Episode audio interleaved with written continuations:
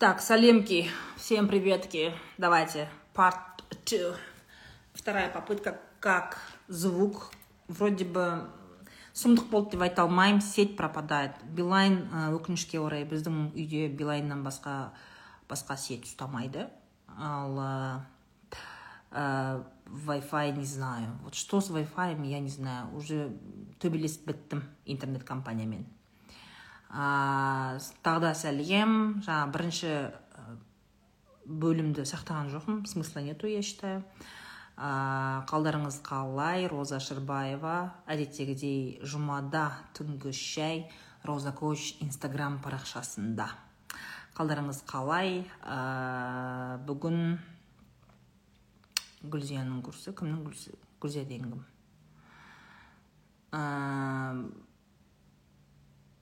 рахмет. Біз ә, не айттық жалпы блогерство туралы айттық. Бірінші жаңа сақталмаған бөлімде блогерство. Ә, қазақ тілді блогерлар блогтарыңызды өте сапалы жүргізіңіздер.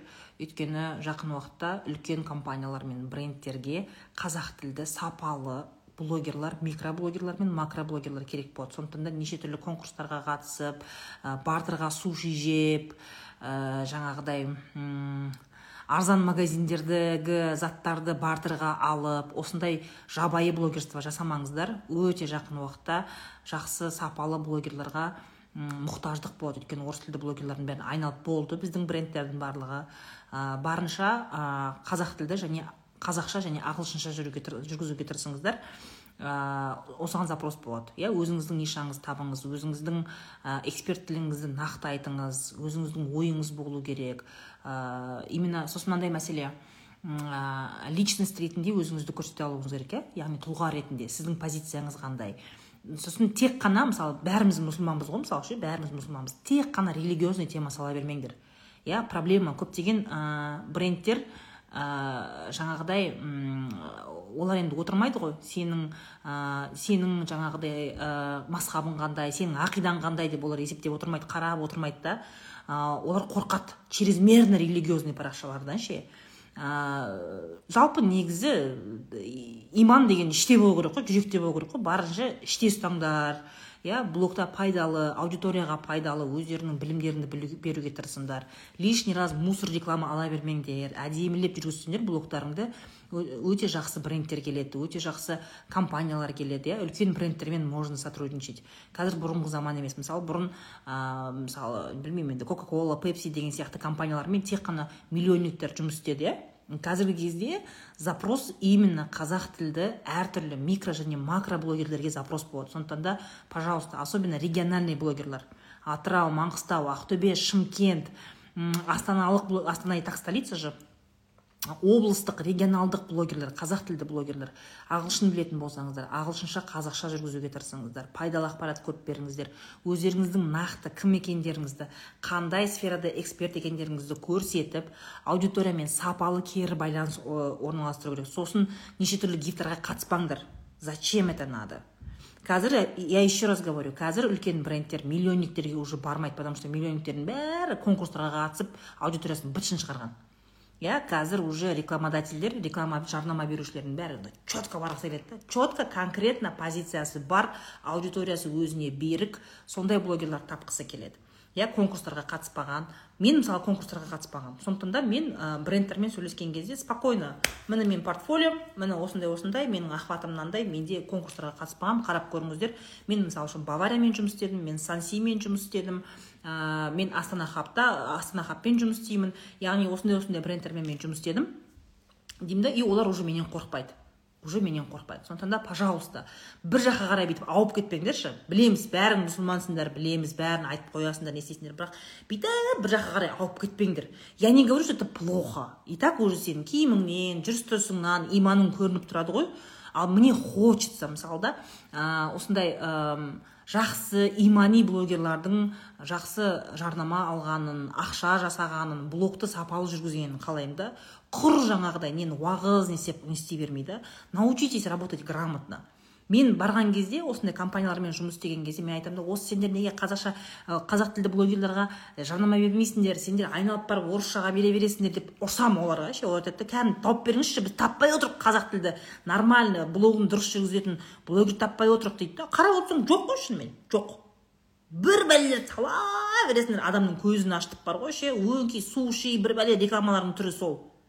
Кішкене не қылсаңдаршы бір блог дегеніміз қазіргі кезде блогинг ол кәдімгі кәсіп. Енді сен бутик ашқанмен бірдей да сен ойқыш ойқыш қылып бутик ашпайсың ғой. Иә бутикті ашқаннан кейін әдемілеп сәндеп определенный стилистика определенный брендингпен жасайсың. Сол сияқты сенің атың сенің блогың ол сенің брендің. Егер саған жарнамаға жақсы компаниялар келсін десең онда жақсылап жүргіз. Понимаешь? Сабиркин тек қазақша жүргізбейді ғой орысша қазақша жүргізеді мен сияқты. Какой совет? Даете 20-летним девушкам работать и образовываться. Вот работать образовываться и эмоциональный интеллект развивайте узнавайте себя больше и других людей.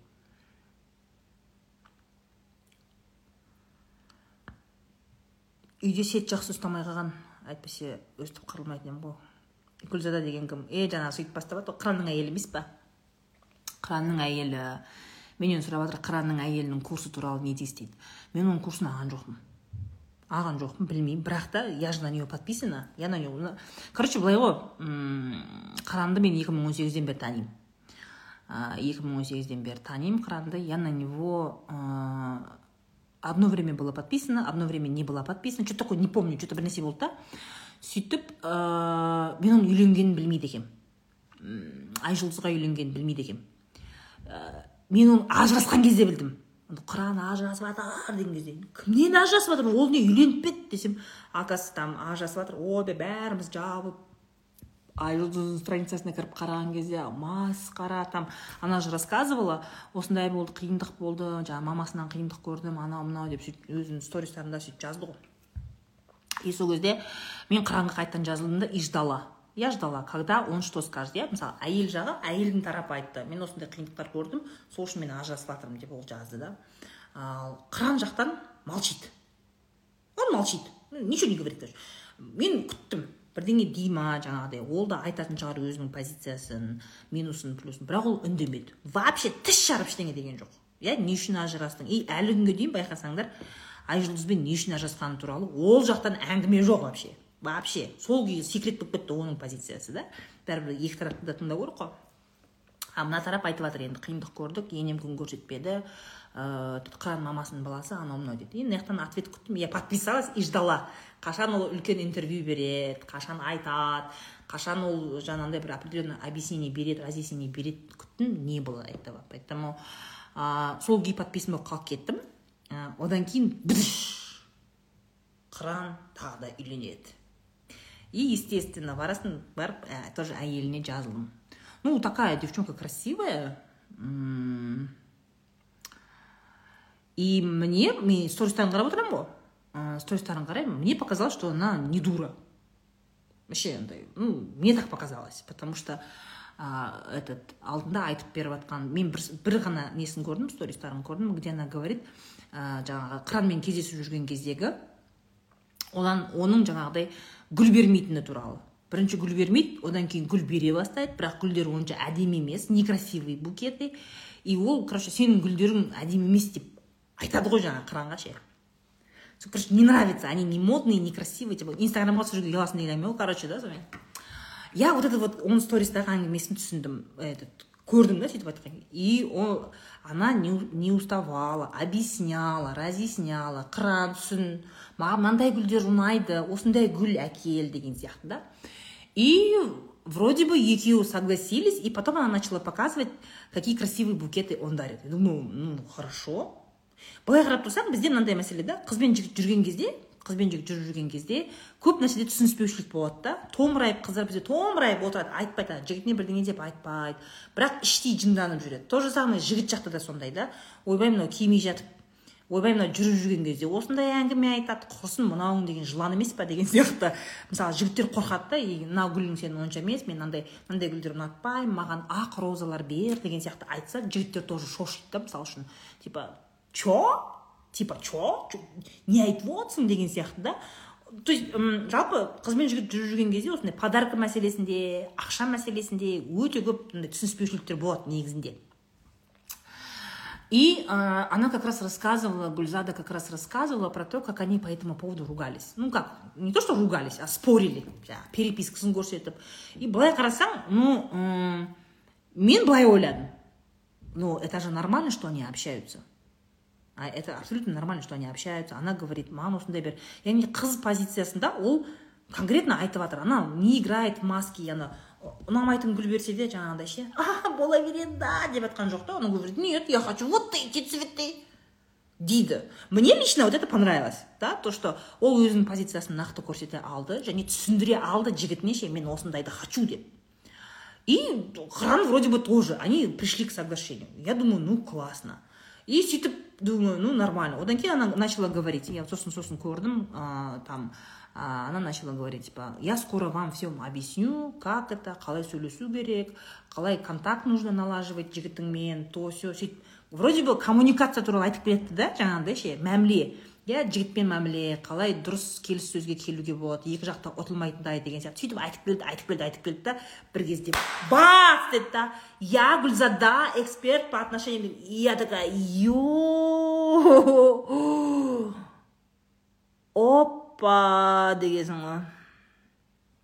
Вы знаете я считаю что это такой вот вот когда сен дұрыс емес маркетинг таңдаған кезде жалпы упаковкаңды маркетинг дұрыс таңдамаған кезде өзіңнің әжептәуір істеп тұрған мысалы да менің түсінгенім мен стористі оқып келе жатырмын да стористі екі үш күннен жаңағы енді прогресс қой былай қарағанда оқып келе жатырмын оқып келе жатырмын нормальный нәрсе айтып жатыр жаңағыдай ше жаңағыдай мәміле құру сөйлесу. Қалай біз кезінде ұрыстық ұрысып келіспедік. Сөйттік та қайтадан сөйтіп сөйлескен кезде мен жеткізе алдым өзімнің ойымды. И ол да маған жоқ демеді дейді да молодец коммуникацияны жақсы айтып келе жатыр. Мәміле құруды нормально айтып келе жатыр. Молодец мына қыздың миы бар екен деп тыңдап келдім тыңдап келдім бір кезде. Я гүлзада эксперт по отношениям деген кезде. Ё кто у нее продюсер. Кто этот продюсер дегенсің ғой вот кто у нее продюсер? Как можно да вот нормальный ә, білмеймін мен мысалы үшін да сен ә, жақсы тауарың бар да? Жақсы тауарың бар да? Бірақ сен соның андай рекламасын хреновый қыласың и позорың шығады да. Вот дұрыс емес маркетингтік стратегия деген осы. Түсіндің ба яғни даже оның сторисін даже мен көріп отырмын да нормально мынау. Коммуникация жайлы айтып жатыр қыз бен жігіт жүрген кезде қалай бір мәмілеге келеді қалай келіседі деген нәрсе нормальный нәрсе айтып кетеді айтып кетеді и бір кезде. Маркетингтен қадалады ғой апам. Йо дегенсің ғой. Я понимаю почему у нее много хейта по этому поводу. Я считаю что продюсер неудачный. Вот. Бірақ курсын алып көрген жоқпын. Алып көрген жоқпын. Көру керек. Не жазылған ол жерде? Андай далбаса нәрсе ма? Дыши маткой бір бәле деген нәрсе ма? Или там бір бәле женственное деген нәрсе мен білмеймін. Но мне показалось менің оның жаңағы прогревінен көрген нәрсесінде мен көрген нәрсе ол дұрыс коммуникация. Иә жігіт пен қыз жүріп жүрген кезде қалай дұрыс сөйлесу керек қалай өзіңнің позицияңды айту керек. Иә қыз қалай позициясын айту керек деген сияқты. Осы нәрсені айтқысы келген шығар деп күтпеймін ба? Апам деген я деп шықпай ма? Но мне кажется она вот именно маркетингтен плотно қадалды деп ойлаймын вот плотно қадалды надо было правильно маған разборға келсе болады ғой бизнес талдауға. Өлтіріп тұрып істеп береді мен өзінің рекламасын пихать етіп жүргенсің ба? Нет реально. Реально. Э, поэтому э, маркетинг многое решает. Әп әжептәуір қызметіңді әп әжептәуір э, тауарыңды дұрыс сата алмайтындар өте көп. Дұрыстап сата алмайтындар дұрыс позиционирование бере алмайтындар. Дұрыс позиционирование бере алмайтын блогерлар да өте көп иә блогерлар. Әп әжептәуір мықты эксперт бірақ ә, маркетингтік стратегиясы енді айбай көзің ашиды бар ғой. Әп әжептәуір нәрсе білесің да вот мен ондай эксперттерді көремін маған да консультацияға неге келеді ғой көресің мықты маман да бірақ қарның ашады. Бір бәле қылып упаковать етеді енді білмеймін не өзін білмеймін енді короче не знаю. Но в целом я вам еще раз говорю сториста она нормальные вещи говорила. И мен таң қалдым жаңағы неден кейін. Одан кейін ол ристі өшіріп тастады. Одан кейін ол рилс тик токта жүрді. Одан кейін айгүл мүкееваны шығарды. Құрсын сол үшін сол үшін жолдастар ә, кәсіпкерлер блогерлар эксперттер ә, парақша вообще парақшаны продвигать ету өзіңнің қызметің немесе тауарыңды продвигать етуде экологичность очень важно иә? Қазіргі кездегі трендтарды түсіну контекстті түсіну өте маңызды өте маңызды. Қазіргі кезде мысалы өткенде қай бір осы бір жиынға бардым мен. Есімде жоқ. Бір жиынға бардым да маған как всегда сол жерде келеді. Анау бар ғой анау сумаңдап бүйтіп интервью келіп келетіндер ғой сумаңдап жүретін сәлеметсіз ба и менен келеді да роза ханым айтып жіберіңізші бүгінгі сіздің лугыңыз қанша тұрады? Анау бар ғой мысалы білмеймін мынау дольче габбана есімде жоқ қанша қалғанын где то сегіз жүз мың. Ал мынау сумочкам прада где то екі миллионға алдым ғой деймін точно білмеймін или там вот это вот. Мынау картье картье тиффани мынау ван клиф мынау булгари деген вот вообще кетті ғой осы тренд болды осыдан бір жарты жыл бұрын осы тренд болды жаңағы киіміңді айту қанша тұратынын айту сосын мына жерде жаңағыдай монтажда ана тринг деп ана бүкіл лугыңның ақшасы шығады сенің үстіңде. Мысалы бір ә, жаңағыдай блогердің үстінде неше миллионның ақшасы бар екені бүйтіп шығып тұрады. Елдің бәріне қызық. Астында комментарийда жазып соның ішінде я вам скажу только бір бір бес проценті маған да осындай бұйырсын деп жатады қалған тоқсан бес проценті астында боқтап жатады ше. Боқтап жатады астында ше. Бұл бәлелер налог төлемейді халықтың жауы үйтіп жатыр бүйтіп жатыр яғни сөйтіп маған сөйтіп келді да бір іс шараға барған кезде роза ханым айтыңызшы үстіңіздегі киім қанша тұрады? Я сказала я не скажу мен айтпаймын дедім шаруаларыңыз қанша? Қанша алсам да ол менің киімім. Иә егер былай бүйтіп көріп модельді нені танысаңыздар барып гуглдан барып қараңыздар. А так не скажу. Потому что это уже позор уже позор бар ғой. Қазіргі кезде осындай нәрсемен ә, мақтану иә эти туфли деймін уже мен мынаны мынаншаға алдым мынаншаға алдым менің лугым мынанша тұрады туфлим мынанша тұрады деген нәрсе уже это как бы сказать камильфо дейді да орысша орысша камильфо дейді. Это то есть ә, халық қазір налынып отыр да люди людям это не ол құндылық емес қазір. Иә менің киімім мынанша тұрады деген нәрсе құндылық емес. И я отказалась дать такое интервью. И между прочим осыдан өте үлкен шум шықты. Өте үлкен шум шықты ә, налоговый біраз осындай инфлюенсерлардың артына түсті. Ойбай сен осынша миллион үстіңе киіп жатыр екенсің ә, кәні налог төлеп жатрсың ба ипің нең бар тоң бар ма қай кетіп жатыр қақнап жатрсың ол ақшаны деген сияқты. Бірнеше блогерлар тексеріске өтті. Неге өйткені адамдарды ашындырасың ғой сен? Ол мотивация емес ол. Уже осы нәрсе уже яғни бұны түсіну керек та міне уже почти бір екі үш айдай болды. Бұндай нәрсе керек емес. Яғни бүкіл әлеуметтік желіде благосферада ә, уже тренд емес уже адамның кринжін ұстататын иә? Кринж ұстататын нәрселерді жасамау керек та. И ә, эксперт блогер ә, жаңағыдай ә, осы трендті біліп отыру керек. Жалпы қоғамда қазір не болып жатыр аудиторияның бойы қандай мынау нәрсе қазір кринж ба мынау нәрсе тренд па соны біліп отыру керек. Мне кажется менің ойымша ә, гүлзада именно в этом и ошиблась. И у нее мне кажется плохой продюсер.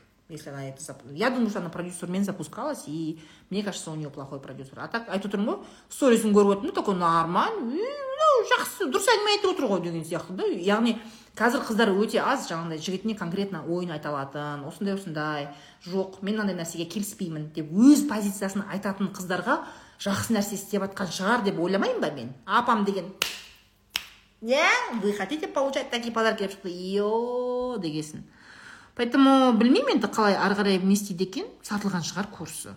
Я думаю что сатылды деп ойлаймын курсы. Вот. Поэтому маркетингте не ошибайтесь. Қазіргі трендтерді білу керек. Егер сен блогер болғың келсе егер сен инфлюенсер болғың келсе қазіргі трендтерді білу керек. Мен сендерге бағана айттым ғой жаңағы түнгі шайдың бірінші бөлігінде айттым. Қазір IT мода. IT қазір мода. Мода. Енді бір бес жылда сен осы айтиға кіріп үлгермесең бес жылдан кейін сен өкінесің мен айтты де. Бес жылдан кейін өкінесің. Ты просто просто білмеймін бір, бір, бір, бір ауылдың шетінде бір жерде қалып кеткен жалғыз үй сияқты болып қаласың. Барлық сфераға қазір айти кіріп жатыр. Даже бүгінгі мен барып келген фэшн фэшн сфера. Бүгін есентай молдың он бір жылдығына шақырыпты енді мен сұрап жатырмын ғой маркетологтардан ше есентай молдың маркетологтарына сұрап. Е қыздар нема мені не деп шақырып жатсыңдар? Мені блогер ретінде шақырып жатсыңдар ма? Или лучший клиент ретінде шақырып жатсыңдар ма деп ше? Ә, есентай молдың 11 жылдығына собрались блогеры. Ә, сол есентай молда ә, бутик ұстап отырған ә, жаңағы бизнесмендер и ә, вип клиенттер. Есентай молға ең көп ақша құртқан клиенттер. Сол менен сұрап жатырмын да мені блогер ретінде шақырып жатсыңдар ма? Или есентай молда ең көп ақша құртатын адам ретінде шақырып жатсыңдар ма десем екеуі де дейді. Поэтому IT информационные технологии. Доктор султанбековна информационные технологии. IT дегеніміз информационный технология сұраудың әбестігі жоқ. Білмеудің әбестігі жоқ. Білмеймін қорқам демеңдер. Иә бізде айтып отырмын ғой астана хабтың региональный ә, нелері ашылды. Жамбыл облысы алматы облысы маңғыстау облысы ақтөбе уральск западно казахстанская область астана ақмола көкшетауда бар шымкентте бар түркістанда бар. Тағы қай жерде? Орталықта қай жерде екен? Қарағандыда точно бар. Қарағанды терекон деп аталады. Абай облысы семей барлық жерде бар. Барлық жерде бар да ә, барып ол жерде барып мен түсінбеймін. IT дегеніміз не? Стартап дегеніміз не? Мен IT әлеміне қалай келсем болады деген сұрақ барып сол жердегі резиденттерден сол жердегі администраторларға сөйтіп сұрақ қоюдың әбестігі жоқ. Ұялмаңдар оған. Мен білмейді екенмін мен топас екенмін анау мынау деп ұялып отырмаңдар. Ол ұялатын заман емес. Айтиді сен білген жоқсың осы уақытқа дейін. Білуің білмеуің ол заңдылық. Мен де білген жоқпын. Мен де білген жоқпын. Осы жылдың басында офис ауыстырдым ғой. Бұрын алдында есентайда отыратын едім. Есентайға соңғы кезде невозможно стало заезжать. Ә, арендаторлар көп болып кетті ресейден келген арендаторлар сөйтіп миың ашып сөйтіп не істеп кеткеннен кейін бизнес центр ауыстырдым сөйтіп. Ә, мост хабқа бардым. Мост хаб біздің алматыдағы IT хаб енді. Мост хабқа бардым сол жерге барып отырдым. IT туралы дым білмеймін. Дым вообще хабарым жоқ дым білмеймін. Сол жаққа барып ә, арендаға орын алып сөйтіп отырмын. Сол офиста отырмын короче. Келіп жағыма қараймын бәрі әйтеуір компьютерға шұқшиған бірдеңе сосын ана біртүрлі тілдермен сөйлеседі. Ана неше түрлі ше? Жаңағыдай венчур бір бәле бизнес ангел айти стартап қыртым шыртым ағылшынша сөздер көп мен түсінбеймін вообще. Мені түсінбеймін. Сонымен жайлап орын алғаннан кейін жаңағы сұраймын ғой жаңағы не істейді мыналар сосын қасымда көршімде это чем занимаетесь? Осындай осындай осындай а вы чем занимаетесь? Осындай осындай а вы чем занимаетесь? Я так смотрю о мынау деген целый әлем ғой и мен сол жерде солармен сөйлесіп не бар оқитын. Инвесторский оқып алдым. Венчурный инвестор болу үшін не істеу керек. Оны оқып алдым 500 мың беріп. Иә 500 мың беріп оны оқып алдым бизнес ангел оқып алдым. Ә, сондай IT клубтарға кіріп алдым. Иә ноль ноль мен ұялып жатқан жоқпын мен білмеймін. Мен сразу келіп айтамын қалайсыздар сәлеметсіздер ма құрметті айтишниктер мен вообще білмеймін айтидың не екенін білмеймін. Үйренуге келдім маған үйретіңдер деп айтамын. Я так и говорю и они такие өліп жаңағыдай а да давайте я вам объясню я вам расскажу деп ше сөйтіп түсіндіреді. Сендер де сөйтіңдер. Иә сендердің ә, сендерге ыңғайлы болсын деп. Ә, осындай региональный IT хабтар ашылды. Барыңдар да мен дым білмеймін бірақ білгім келеді. Айтты роза шырбаева айтты мода екен қазір IT деген. Мен білгім келеді үйренгім келеді деген сияқты. Астана хабтың өте көп ә, жаңағыдай гранттар бар. Тегін мамандық алу мүмкіндіктер бар. Техорда деген проектісі бар. Астана хабтың сайтына кіріңдер. Барып региональный хабтардан сұраңдар. Қызылордада бар. Барлық жерде бар. Іздесеңдерші мен мен подпискамды қарасаңдар я на всех подписалась. Сөйтіп қазақша да бар орысша да бар. Қазақша да бар орысша да бар. IT самое нет IT не может быть IT сфера токсичная не может быть. Это люди могут быть токсичные. Это люди могут быть токсичные поэтому бұл жерде мәселе просто барасың будьте проще будьте проще. Білмеймін болды білмеймін мен мен так и говорю. Мен айтиді да білмеймін мен ағылшынды да білмеймін бірінші айтиді үйреніп алдым енді айтиға кіргеннен кейін естественно маған ағылшын керек екен. Вот в ноябре буду начинать английский язык в девятый раз. Мен өмірімде сегіз попытка болған ағылшын үйрену сегіз попытка. Спикинг клуб skyeng индивидуальный групповой бәрін көрдім ғой. Дуолинго бірдеңе ойын түрінде бәрін көрдім. Тастап кете беремін ағылшынды ше вот потому что маңыздылығы болған жоқ та осы уақытқа дейін. Енді қазір IT ортада жүргеннен кейін IT предприниматель болғым келгендіктен кейін инвестормын қазір иә. Ағылшынсыз никак мен тек қана қазақстандық проекттерге ғана инвестиция салғым келмейді. Мен шетелдегі проекттерге инвестиция салғым келеді. Сондықтан да мен ағылшынша білуім керек. Уже мұқтаждық пайда болғаннан кейін енді тоғызыншы рет тоғызыншы попытка. Поэтому э, буду изучать английский.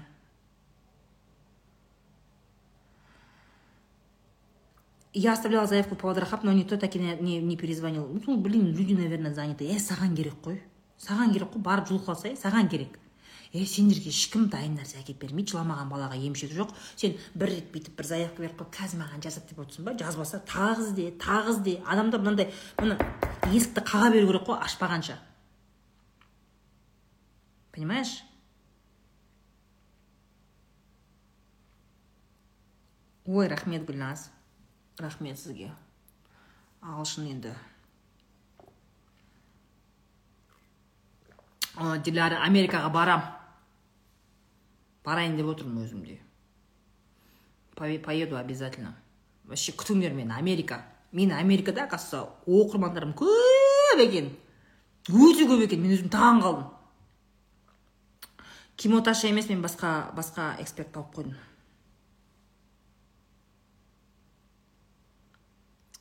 Қуаныш перизат ақтауда қайда бар? Маңғыстау айти хаб парақшасын тапсаңдаршы менде и маркетинг саласында дамып жатыр ғой ой маркетинг өлмейді. Маркетинг өлмейді ол как медицина сияқты ғой. Ә, мысалы адамға денсаулығын сақтау үшін иә адамға адамға. Дені сау болып тірі болып жүру үшін медицина керек иә. Ал кәсіпке кәсіпке дені сау болып тірі болу үшін маркетинг керек. Кәсіпкерлер ешқашан таусылмайды. Кәсіпкерлер ешқашан таусылмайды иә. Предпринимательство будет всегда. А что делает живым предпринимательство? Именно маркетинг. Маркетингті оқу керек ол никогда не поздно учите маркетинг. Ой рахмет.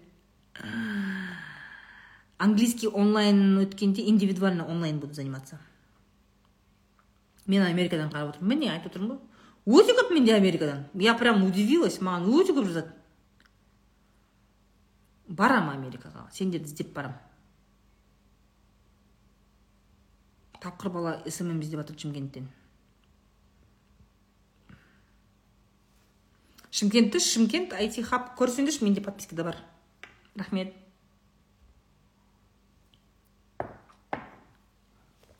Инстаграм парақшасын табасыңдар эфир сақтаңызшы хорошо.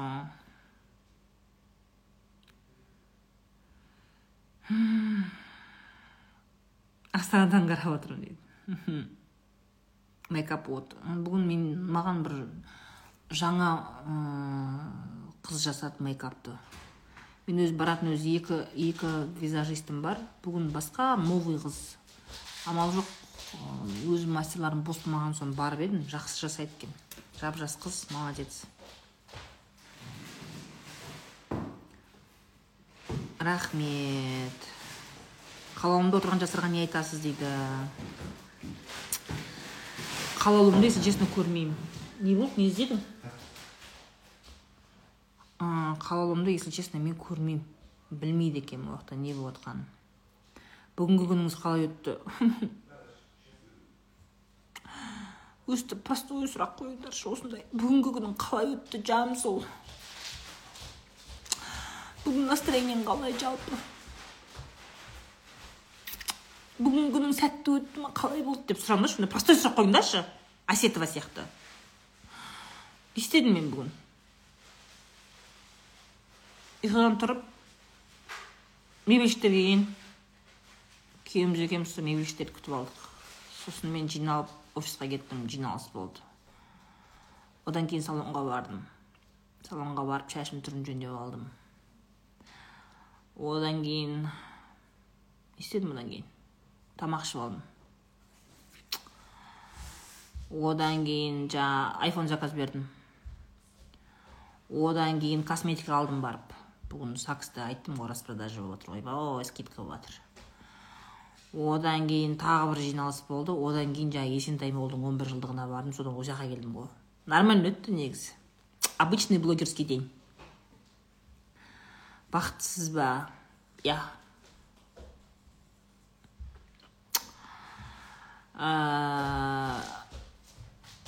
адам өзіне мен бақытты ма? деген сұрақ мен бақыт мен өзімді бақытты сезініп жүрмін ба? Мен бақыттымын ба?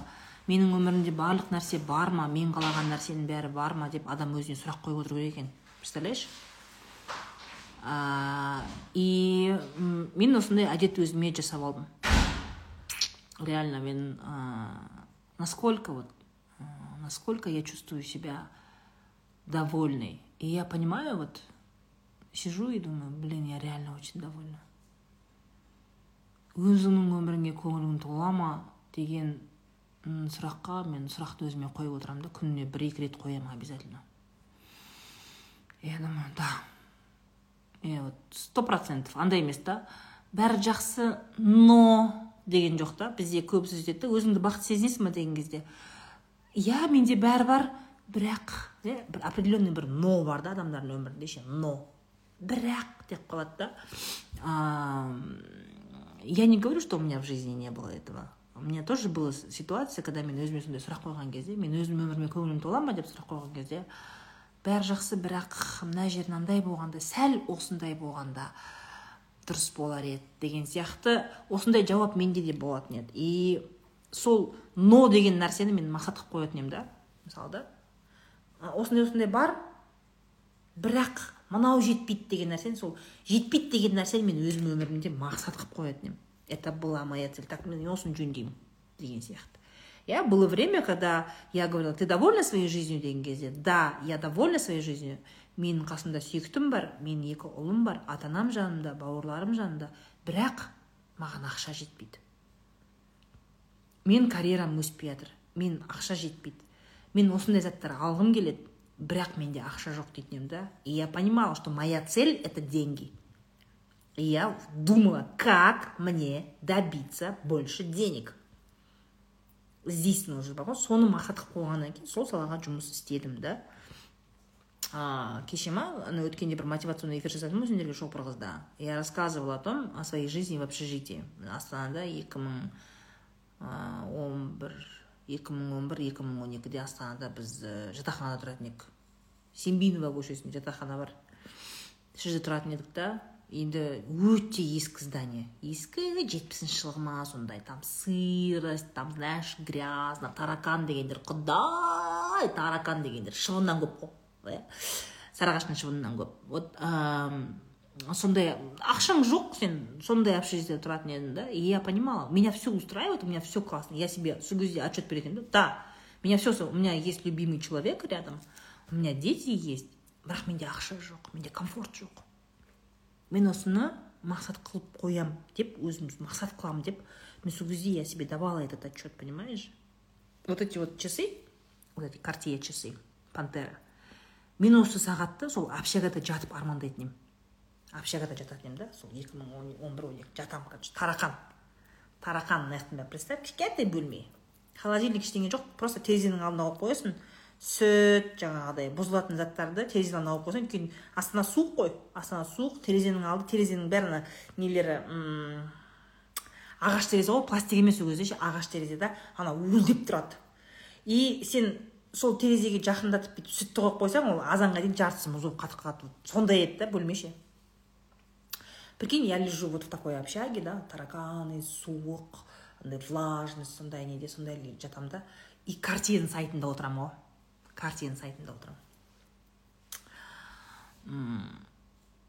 Осындай сағат хочу деп ше. Звондаймын еще оларға. А там бағасы жазылмайды ғой сайтта. Ол кезде жазылмайтын қазір жазылады ол кезде жазылмайтын.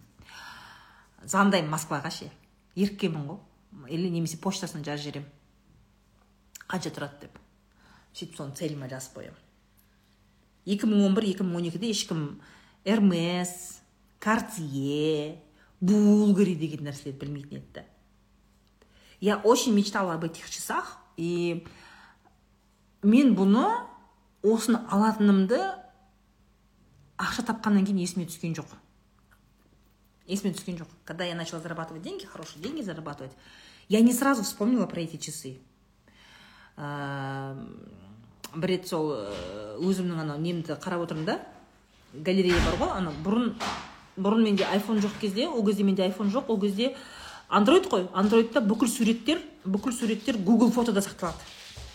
Соны бір күні сол осыдан жиырмасыншы жыл ма жиырма бірінші жыл по моему жиырма бірінші жыл ма? Сол google фотомды ақтарып отырып жаңағы сол картина сайтынан сайтынан несінен перепискасынан бүйтіп скриншот жасағанымды көрдім осы сағатты алғым келіп сол кезде есіме е мен осы сағатты армандап едім ғой деп.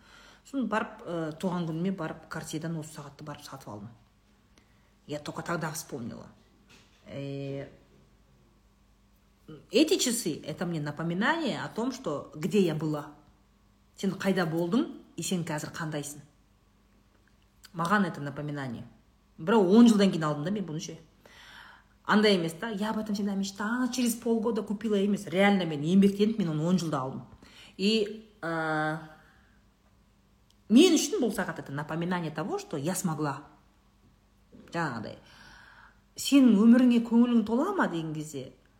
Толады жақындарым бар махаббатым бар бәрі жақсы. Бірақ деген кездегі сол ақша роскошь мәселесінде сол нәрсе жетпейді дегенде мен соны өзіме мақсат қылып қойдым мен соған жеттім да. И эти часы мне напоминают ты смогла ты молодец. Ты смогла ты молодец. Деген. На самом деле я покупаю брендовые ювелирные украшения не просто так.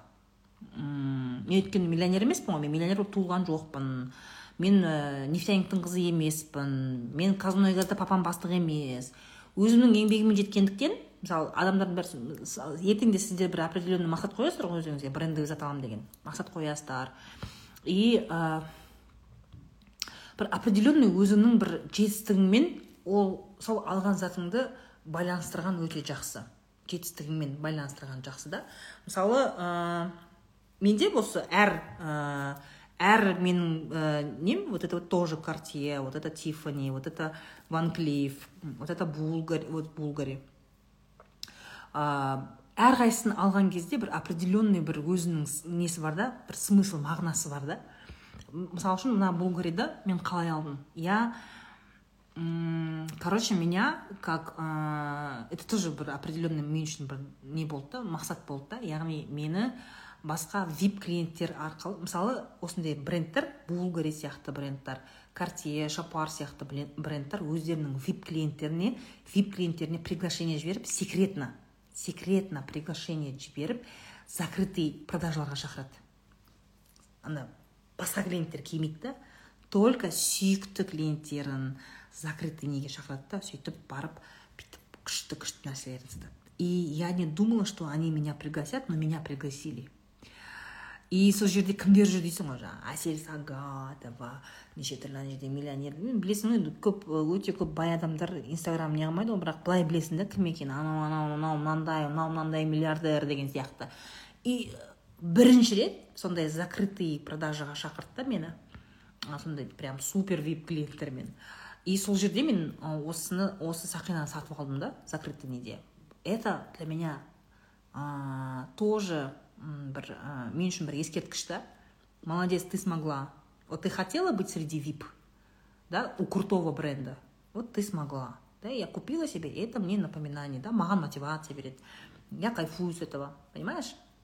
Сол сияқтынан әрқайсысының өзінің бір өзінің идеясы бар. Сондықтан да өзіңнің бір андай да егер сен бай миллионер болып туылмасаң бірақ брендовый заттар алатын болсаң әр алған затыңды осындай бір жақсы бір эмоциямен толықтай бір я өзіңді мақтап я, я молодец я молодец я смогла деген сияқты осындай немен істесең это очень полезно я вообще всем своим друзьям так рекомендую просто так алмай вот это с чем-то вот полезным связывать это тебе напоминает есіңе түседі таққан кезде классно же ужин іштіңіз ба ой знаешь төртте іштім алтын ба дейді да? Белое золото все личной консультация нету. Масштабироваться ету үшін үлкен қалаға көшу маңызды ма жоқ ақшаға қатысты курсыңыз бар ма? Ақшаға қатысты интенсивті алмадыңдар ма неғып алмадыңдар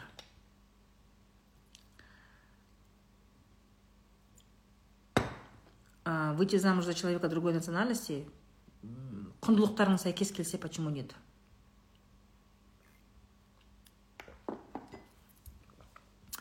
Дисциплинаңыз қандай? Дисциплина менде өмірімде приоритет маңызды ә, сен бұл өмірде барлық нәрсеге үлгермейсің. Невозможно все успеть. Ты не успеешь. Маған да сондай сұрақ қояды ғой. Как вы все успеваете? Я не успеваю. Я делегирую. Мен үшін маңызды нәрселерді я там успеваю. Бизнес проектілер ақша ол маған маңызды я там успеваю. А все что ә, жаңағыдай үйдің жұмысы ә, тағы да осындай мәселелерге я на это не отвлекаюсь. Я на это не отвлекаюсь. Мен оған мен адамдарға тапсырамын. И то менің ә, кәсібімнің ә, мысалы менде бірнеше команда бар. Иә орыс тілді парақшамды басқа команда жүргізеді. Қазақ тілді парақшада менде басқа команда. Ютуб басқа телеграм вообще басқа. Яғни менде бірнеше команда бар. Бірнеше команда мен бүкіл каналдарда қарап отырсам мен екі инстаграм үн өшпейді екі тик ток үн өшпейді телеграмда постоянно постинг ютуб шығып жатыр подкастный страницалар шығып жатыр. Бұның бәрін мен жалғыз өзім істей алмаймын. Мен команда ұстаймын. Иә әр проектіге өзінің адамын қоямын. Ә, у меня зарплатный фонд ә, налог налог мен төлеймін.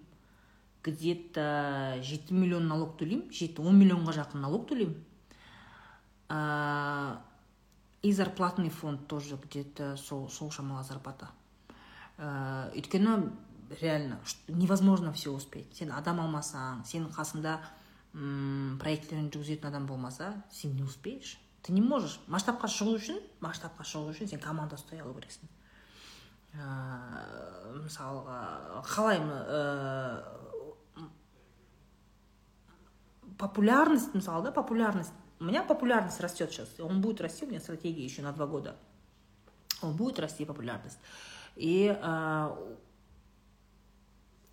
популярность ол случайно болмайды да популярность келгеннен кейін сен оны дұрыс жүргізе алу керексің не так чтобы ты вот так фу один раз выстреливаешь и все өшіп қалдың емес оны ары қарай дамыту керек оны стратегически дұрыс бағыттау керек оның бәрі үлкен жұмыс поэтому идти в масштаб это прежде всего умение работать с командой умение держать сразу несколько проектов айтып тұрмын ғой менің блогингім бұл бизнес командам жиырма бес адамнан көп где то вот так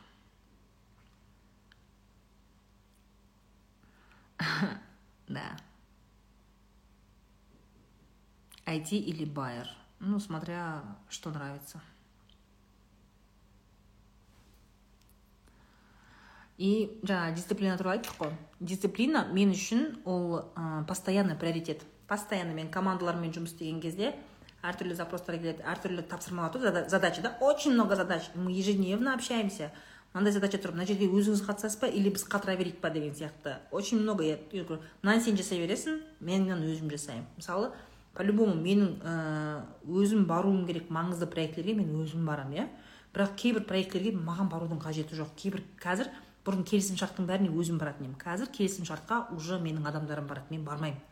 Иә өзімнің юристтерім солар барады. Өздері қатырып бухгалтермен бәрі өздері шешіп кетеді мен уже бармаймын. А бұрын өзім баратын едім.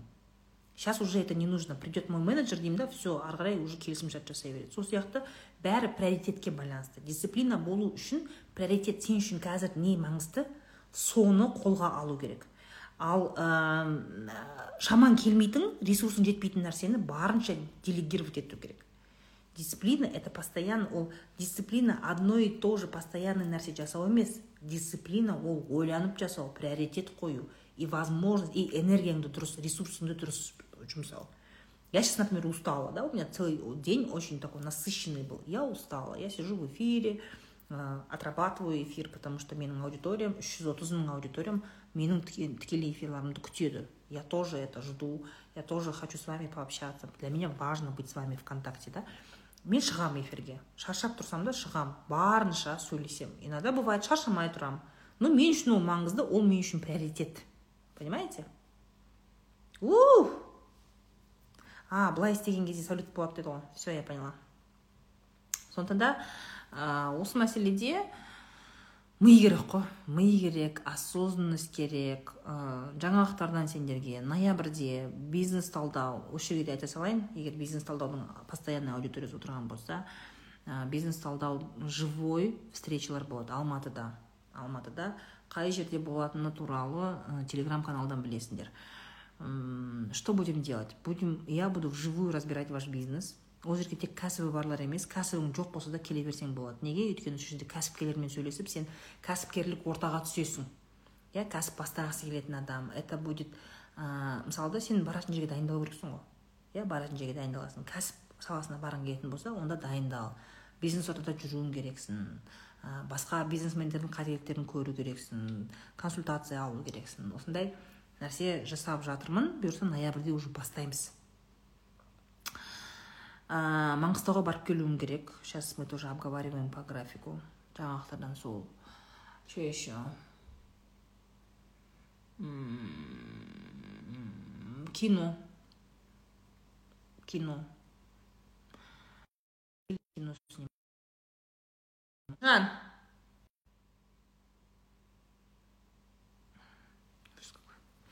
если ма?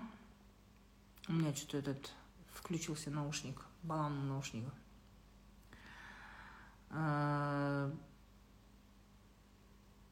киноға шақырды. Бұйырса киноға түсем. Дайын болыңдар. Это будет очень плохая роль.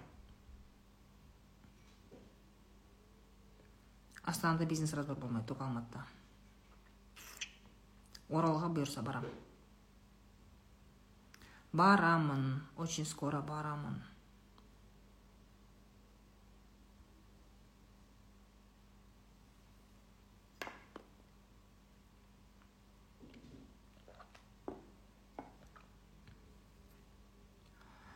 Хабтардың барлығы орыс тілінде жүргізеді.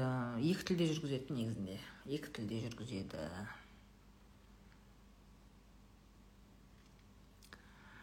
Жаңаөзенді білмеймін.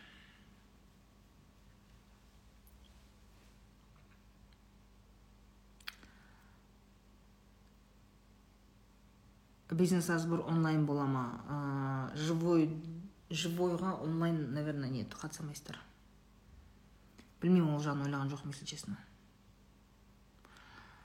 Кімде қатып жатыр қайтадан шығып қайтып көріңдер. Атырауға барлық региондарға барамын.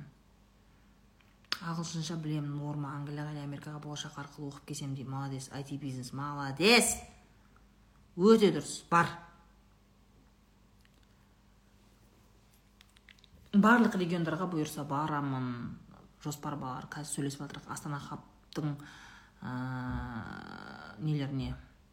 Представительстволардың бәріне барып шығамын бұйырса. Кинода коучсыз ба дейді жоқ. Кинода коуч емеспін. Вообще я салют қалай шықты дейсің ба кенжегүл? Бүйтсең шығады қара.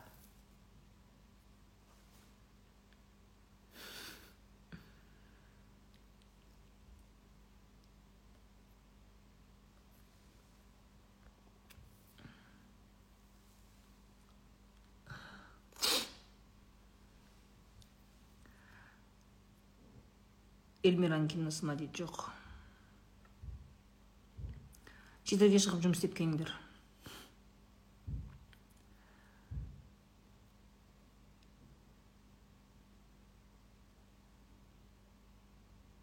мост коворкингте место аламын онда сонда барып жұмыс істеуге давай орын тапсаң аласың орын жоқ по моему орын жоқ кажется.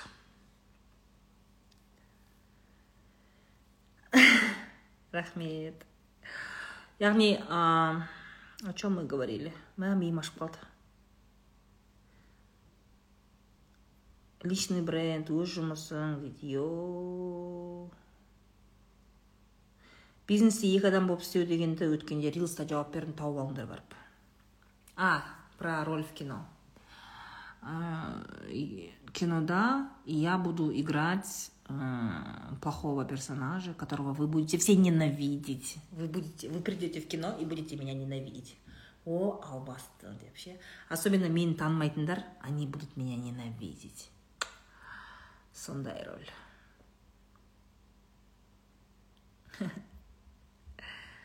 райхан телеграмға жазыл маған разборға келуге болады ваш путь где можно посмотреть отырып қойшы жерде нұргүл мен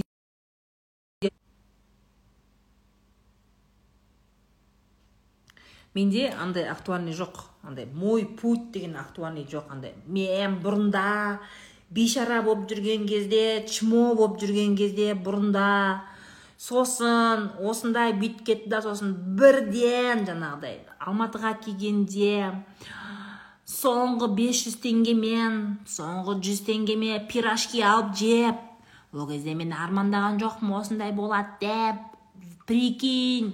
Неожиданно бай болып кеттім деген ондай история менде жоқ. У меня нету неожиданностей. Мой путь это путь труда. Кропотливый стабильный труд. Шаги вперед. Менде андай жеңіл бір нәрсе болып кетті. Сосын бейшара болып келдім да бір күнде өмірім өзгеріп кетті. Мен сол кезде түсіндім. Сол кезде мен түсіндім. Сол вокзалда отырып соңғы ақшама пирожки жеп отқан кезде басыма инсайт келді деген нәрсе жоқ ондай менде. Нет у меня такого. Весь мой путь это кропотливая работа это стратегия это пошаговые действия. Случайностей нету понимаете? Ондай жоқ менде. Мен ондай эксперт емеспін. Өкінішке орай. Сіздер барлықтарыңыз андай эксперттерге үйреніп қалғансыздар ғой андай прогресс жасайтын ше андай ше баяғыда мен кедей болып жүрген кезде осыны армандайтын едім. Сен де соған қол жеткізе аласың. Менің курсымды алсаң сен де мен сияқты бір жылда бмв мен кете алсаң деген сияқты. Нет нет нет нет нет нет. Мен бірінші бмвмді сегіз жарым миллионға алғанмын иә тоже. Бірінші бмвмді одан кейін ақша жинап жинап жинап 30 миллионға алдым. Одан кейін жинап жинап x пятыйымды алдым. И это это бір бір жылда бір айда болған нәрсе емес. Это все поэтапно. Поэтапно все поэтапно. Өмірде любой нәрсе әсте әсте ғой случайных повезло не бывает. Болмайды ондай. Алдана бермеңдерші будьте серьезней еңбектену керек. Күнде күнде әсте әсте майда қадамдармен степ бай степ сила маленьких шагов. Даже хадисте бар емес па сондай иә жаңағыдай әсте әсте жасалған кішкентай қадамдардың өзі маңыздырақ дегендей. Если ежедневно ты становишься лучше на один процент то через сто дней ты будешь лучше на сто процентов. Нету случайности. Менің вот э, сенің жолың бағдарламасы вот моя программа да сенің жолың он скоро выйдет в продажу кстати. Как раз таки мы я рассказываю сенімділік әрекет және масштаб. Иә адам қалай поэтапно стабильно бүйтіп мынандай емес та фук етіп емес. Стабильно поэтапно алады ту еділжан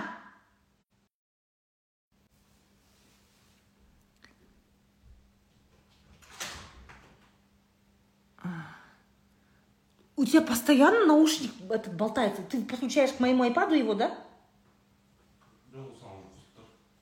Вообще, он все время ловит мой телефон. Все, я выключила Bluetooth, все. Та та та та та сендер мынандай нәрсеге алданасыңдар да сендерге бәрі айтады. Бірден байып кет тез байып кет жеңіл байып кет дейді да. Нет такого. Такого нету не бывает. Алдана бермеңдер сен ондайға. Өмірдің шындылығы сол. Мен жасым 39-да я вам скажу мне 39 лет. Я эту жизнь повидала.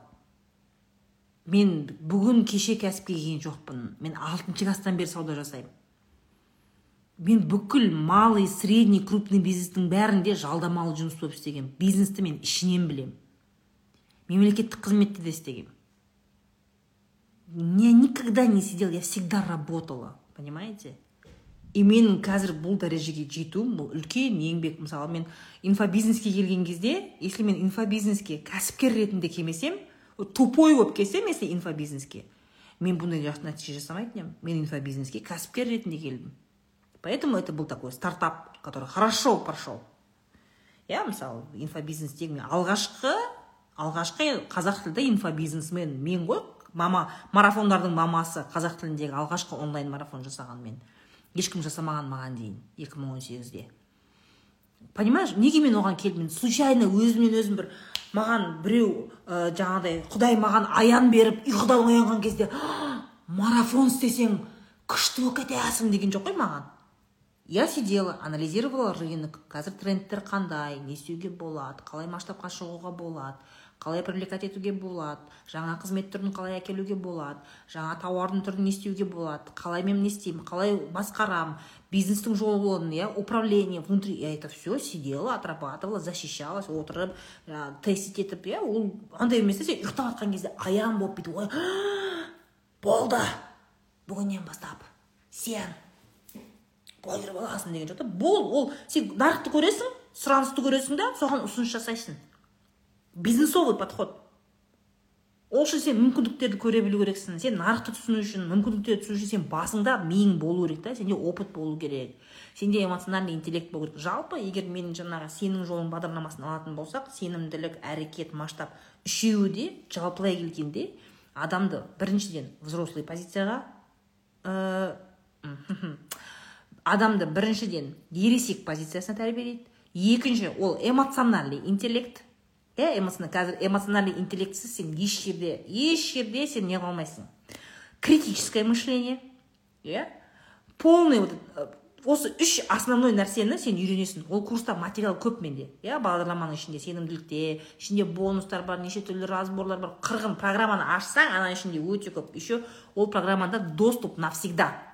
До конца көресің. Бірақ основной сен оны бітірген кезде сенде кәсіпкерлік мышление болады. Масштабты неғылған кезде жалпы кәсіпкер қандай мышлениеде болу керек чтобы өсу үшін иә? Постоянно бір потолокқа неғылмау үшін. Әрекетшіл болу қорықпау қорқыныштармен жұмыс істеу өзіңді түсіну эмоциональный интеллект критическое мышление. Все ты будешь полноценным взрослым человеком. Адам өзінің өмірін тек қана өзі құра алады саған біреу құрып бермейді бір білмеймін бір аян келіп өзінен өзің бүйтіп успешный успех болып кетпейсің сен. Никогда. Еңбек ету керексің. Мен өзім осындай жолды жүргеннен кейін мен сендерге осы жолды жүріп өтсін деп целый программа жасап қойдым. Я сама его проходила. Как стать человеком полноценным? Өз жолын тапқан өз өмірін тапқан полноценный адам қалай бола аламын маған өз жолымды құру оңай болған жоқ потому что біздің қоғамда әйелдің жолы қиын. Әйел жұмыс істемейді әйелге ту деп айтады әйелге ә, жаңағыдай неге сен тумайсың? Үйде отыр байың жағдайын жаса сен келінсің. Анау осындай қыспақ көп әйелге ше? Әйелге өз жолын тауып кету қиын потому что бүкіл қоғам әйелге үйде отыр дейді. Отыр үйде. Сен отанасысың сен. Сен үйдің бикесі сен. Осы ошақтың басын ұстап тұрған сен. Қайдағы жұмыс? Отыр бала ту бала бақ деп айтады. Маған өзімнің жолымды құру оңай болған жоқ. Қаншама стереотиптер. Қаншама не мысалы да әйелді жұмысқа алатын кезде мысалы сен бір жақсы вакансия тауып ә, жұмысқа тұрғың келсе и ол вакансияға екі соискатель болатын болса біреу әйел біреу еркек болатын болса еркек өтіп кетеді. Неге? Өйткені еркек, еркек ол тумайды. Еркек байын жағдайын жасайды үйде әйелін жағдайын жасамайды ол балаға қарамайды. Еркек жұмыста ешак болып жұмыс істегеннен кейін әйел ма еркек па деген кезде жақсы должностьқа еркек өтіп кетеді. Әйелге қиын жақсы мамандықта болу жақсы жұмыс істеу кәсіп істеу. Өйткені да есть еще плюс семья. Иә әйел адам отбасылы. Любой адам отбасылы болғысы келеді. Еркекке отбасылы болу не проблема. Қатын алам болды дейді үйге отырғызып қояды болды. Әйелге отбасылы болу үшін ол өзінің оқыған білімін дипломын өзінің білімін құрбандыққа шалады ол. Әйел ше отбасылы болу үшін. А еркек отбасылы болу үшін бизнес жұмыста істеп отбасылы болу үшін ол ештеңені құрбандыққа шалмайды вообще ол ештеңе вообще қолы бос ол рахат оған ше. Понимаешь? Ол біледі да еркек үйленген кезде ол біледі. Маған оған отбасы ол поэтому әйелді оңай жібереді да еркектер ше. Сәл бір нәрсе болатын болса кетсең кете бер. Кетсең кете бер. Он сегізге толмаған жас қыз аламын ертең дейді неге? Өйткені еркек адамға жалпы үйлену отбасылы болу оңай. Ол үйдің шаруасына қатысқысы келмейді бала тәрбиесіне қатысқысы келмейді. Қатысамын деп ойламайды да ол. Мен дамимын мен жұмыс істеймін деп ол ол болды. Ол өзін ол карьера жасау и отбасылы болу еркекке оңай. Әйелге карьера жасау және отбасылы болу қиын. Двойная нагрузка. Это как будто ты на двух работах работаешь. Понимаешь? Это маған мен әйел ретінде мен осы жолды көрдім. И оның қалай жұмыс істеу керек екенін қалай коннект табу керек екенін мен көрдім. Мен мысалы үшін жалғыз келінмін. Менде атам мен енемнің күйеуім менің бір ақ бала. Атам мен енемнің жалғыз баласы. Қарындасы да інісі ештеңесі жоқ. Бірақ біз бөлек тұрамыз. И ешкім маған бүйтіп бізге ма барыңдар өздерің бөлек тұрыңдар деген жоқ. Бөлек тұруды добиваться ету үшін біз еңбек еттік. Сепарироваться ету үшін біз еңбек еттік. Иә қарым қатынасты ұстап қалуда ол да өнер. Ол жерде сенде эмоциональный интеллект болмаса сен қалдым дей бер. Дымың қалмайды сенің. Қырылысып төбелесіп бітесің. Ол да еңбек. Осы жолдың бәрін өткендіктен сенің жолың бағдарламасын жасақ қойдым мен. Потому что біздің қазақ ментальностінде адамның өз жолын тауып кетуі қиын. Ер азаматтарда определенный буллингке ұшырайды е сен қатын сен каблук болып кетіпсің ғой сен. Сен қатын сөзінен шыға алмайды екенсің ғой. Бір бәле жаңағы туысқандардың сөзі ты должен. Еркек адам бізде қазақта еркек адам қазақ ер азамат баюға қорқады. Басын көтеріп бай болып кетуге қорқады потому что у него слишком много требует. Бізде ер азамат өз ақшасын өзінде ұстау құқығына мұқтаж ғой бейшаралар. Ақша тауып қалды ма? Сразу әйелі әке шешесі қарындастары дай дай дай бер бер бер. Яғни ер азамат ақшаны табады бірақ ол өз ақшасының рахатын көрмейді. Мен региондарда боламын мен ә, көп ер азамат отбасылы ер азаматтармен мен сөйлесемін. Қай жаққа кетіп жатыр ақшаңыз? Мен қорқамын дейді. Ол мысалы бізде ер азамат демалмайды. Жұмыс істейтін ер азамат бізде демалмайды. Ер азаматтың демалғанын әйелдер біз кешіре алмаймыз. Олардың баратын жері олардың бара, демалысы ол пивнушка ішетін жер немесе халяльныйлар ішпейтіндер жаңағы жігіттермен өздері жаңағыдай неге моншаға барады и то айына бір рет. Не жаңағыдай кальянныйға барады. Болды. Олар бүйтіп демалып еркек бізде демалмайды ғой. Неге ол ерте өліп қалады бізде еркектер?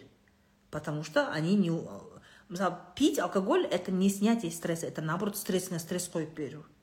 Олар демалмағандықтан миы тынықпағандықтан өз өмірі өзіне принадлежать етпегендіктен еще олар еще ойнайды. Олар еще ойнайды. Они хотят забыться знаешь вот убежать. Все от него требуют. Еркектің де проблемасы көп. Я не говорю мен тек қана әйелдің ғана проблемасын айтпаймын еркектің де проблемасы көп. Бізде ер азаматтар өз ақшасына өзі ие бола алмайды өкінішке орай все от него хотят. Еркектің қалтасына бәрі қол сұғады. Ол бүйтіп бізде еркектер неге өздеріне киім алмайды?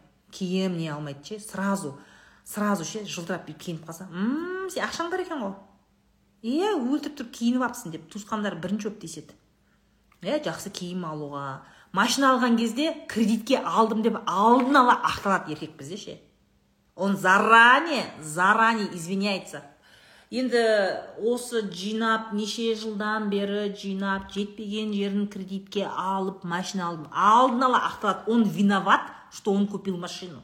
Он виноват что он богатый. Вот, вот это вот проблема бізде ер азаматтар өз ақшасын өзіне әйел ақшасын тыға алады. Егер әйел өз ақша табатын болса ол тығады бізде кәсіпкер әйелдер өз ақшасын ну береді енді бермейді емес береді. Но в основном ну это мои деньги деген әйелде кішкене сондай не бар да. Еркектер еркектерде ондай с этим странновато это сложновато у них. Вот это вот чувство стыда долженствование оно очень сильно преобладает у мужчин. Сендер күйеуімді таппайды дейсіңдер да күйеуің табуға қорқады білесің ба ол ә, жұмыскер болуға табысты болуға қорқады өйткені тапқан күні оның қалтасына бәрі қол сұғады бәрі давай давай давай давай давай давай байсың ғой сен давай бер достарына дейін тонайды ғой достары да мысалы ә, ақшалы достарының ортасында біреу ақшалы болатын болса бәрі кафеге баратын болса сол ақшасы бар ақшасы бар еркекке қарап жатады бәрі типа е сен байсың ғой е кім бекжан е сен байсың сенде ақша жоқ болса онда көлде балық жоқ. Өзің енді класстастар бір бәле деген сияқты да бәрі все. Вот вообще бізде региондарда сондай ғой. Сен бай болдың ба сенің қалтаңа бәрі ақша салады. Бізде қазақтың байымайтын содан бір бірлерін жеп қояды. Понимаете? Это стыд денег. Кстати масштаб курсында ол бар. Сенің жолың бағдарламасын алыңдар. Өткенде маған жынды жынды отзывтар келді ғой. Бір жігіт келді. Айти департамент бастығы екен. Он говорит я офигел говорит. Қазақ тілінде осындай системно выстроенный ә, курс болғанына қаншама қазақ тілді ер азаматтардан курс алдым. Это жігіт говорит мне. Ер азаматтардан курс алдым. Андай нақтылық жоқ андай андай плавает все нақтылық четкость жоқ дейді да. Сізде сондай бар мә говорит офигел я с удовольствием делаю такой курс менің программамды аласың өкінбейсің стопудово э, и этот э, саня э, продажи будут скоро продажи будут скоро айтам өз продажа ашылады скоро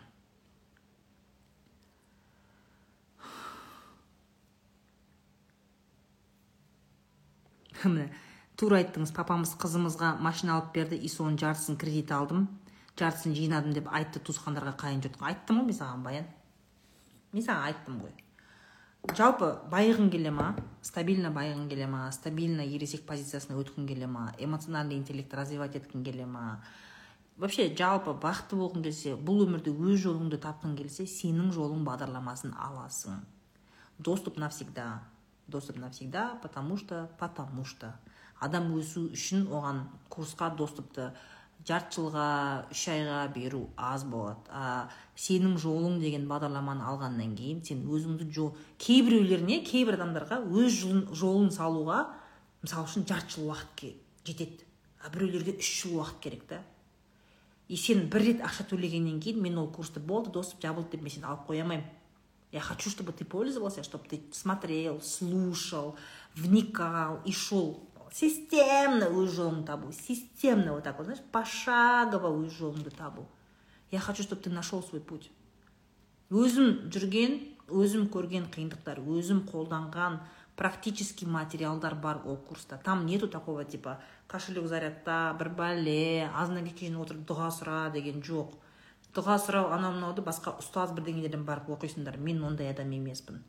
у меня конкретные действия ставишь цель идешь туда работаешь над собой развиваешь свой эмоциональный интеллект все менде только сондай продукт ондай пустой нәрсе жоқ жаңағыдай аффирмация жаз бір бәле ондай ештеңе жоқ стаканда су ішесің да сөйтесің да түнде ұйықтардың алдында бүйтіп айтасың деген ондай вообще жоқ конкретно жұмыс потому что мен жұмыстың адамымын понимаете бағасын айтыңызшы программа вся стоит төрт жүз елу мың тұрады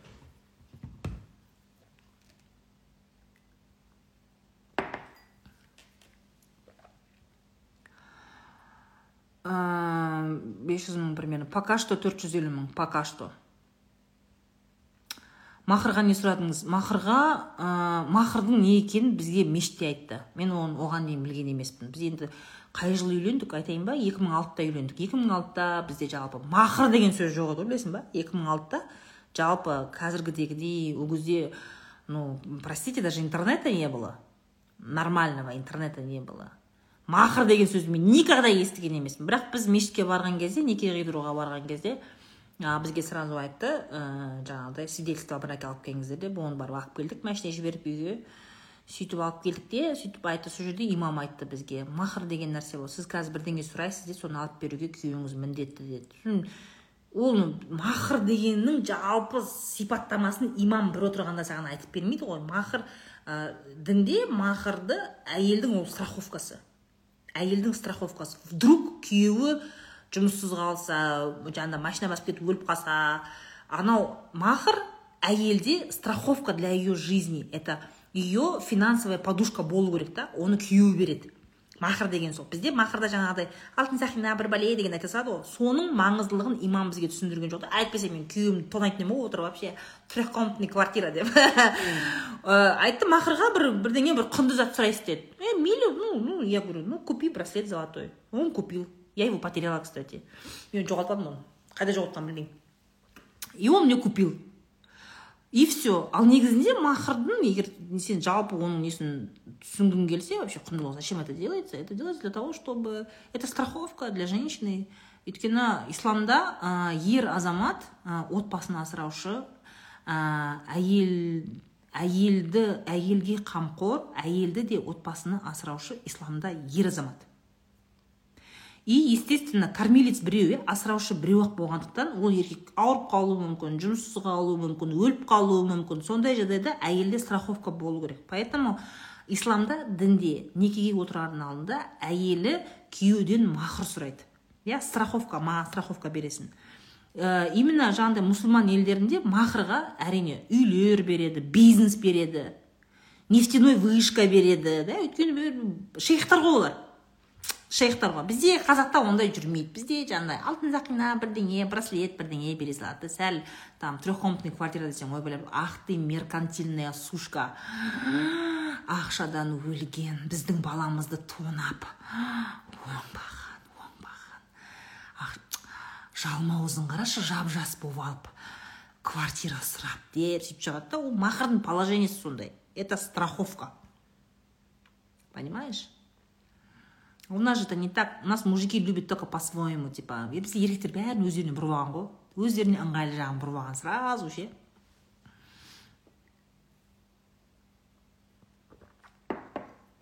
ұялмай сұраңдар жігіттеріңнен жаңағы неке қидырып жатқан кезде ше. Типа и сол елдің сұраған сол кішкентай бір алтын бір бәлесін сұрасайшы деген сияқты сөйтіп неғылған кезде нет. Трехкомнатный квартира дейсің. мақырға не сұрадыңыз деген. Тик токта бар да сондай ше мақырға не сұрадыңыз деген кезде. А, енді осы сұрақты мен көп күттім.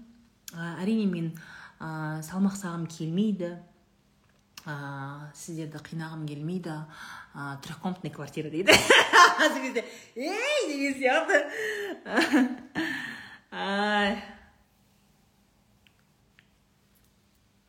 То есть нужно понимать егер бізде мынандай да исламша өмір сүргісі келеді біз еркектер ше.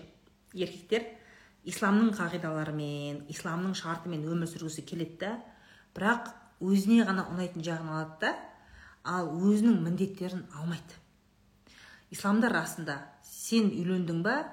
Түгел әйеліңнің түгел расходы сенің мойныңда өткенде ұстаз жақсы нәрсе айтты да бүйтеді. Мысалы сен сөйлесесің ғой жаңағы болашақ әйеліңмен жаңағы қалыңдығыңмен сөйлесесің да ә, сен одан бәрін сұрау керексің. Сен қандай тамақ жейтін едің? Сен айына неше рет ресторанға баратын едің? Сен қандай кремдер жағатын едің?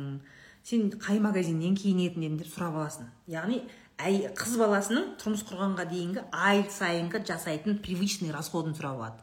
Мысалы жұмыс істеп қалған өзің күтіп қалған қыз ай сайынғы расходы кемінде бір миллион теңге алдың ба? Сондай қызға үйленесің ба?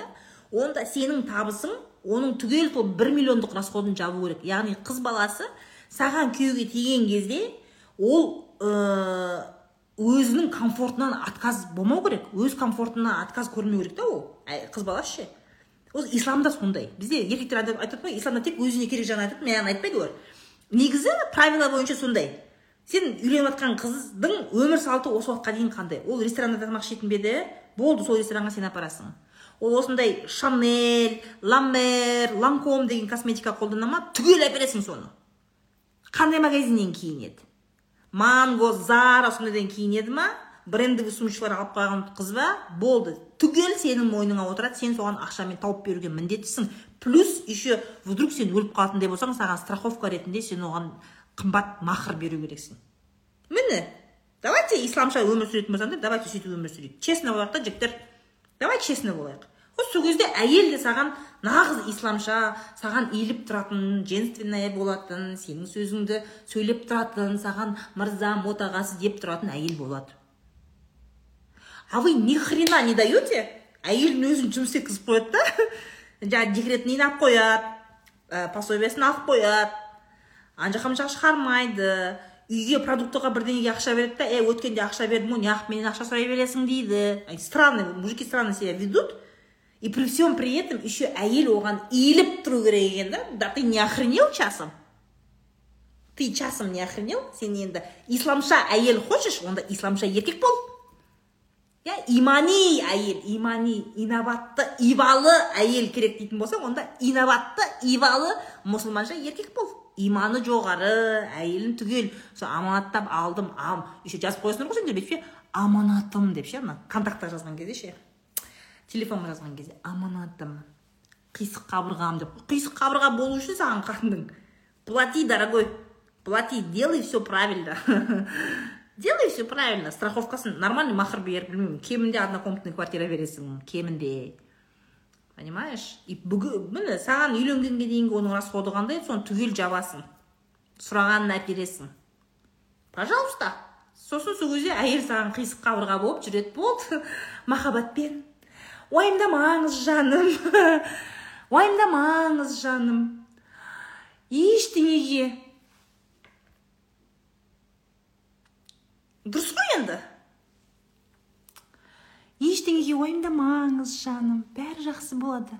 Мен сіздің амандығыңызды тілеп үйде дұға оқып отырамын. Жұмыс істеңіз. Уайымдамаңыз жаным. Бұл үшін пожалуйста зарабатывай мужик. Зарабатывай. Ал әйел почему то еркекке зарабатывай десе вот женщины все. Меркантильные сучки. Ақшаға қарап қалған бұларда иман жоқ бұларда махаббат жоқ э подожди подожди. О чем ты говоришь? Давай біз ә, иман туралы әңгімені сенің міндеттерің орындалған кезде сөйлесейік. Сен міндеттеріңді орында сосын сөйлесеміз окей?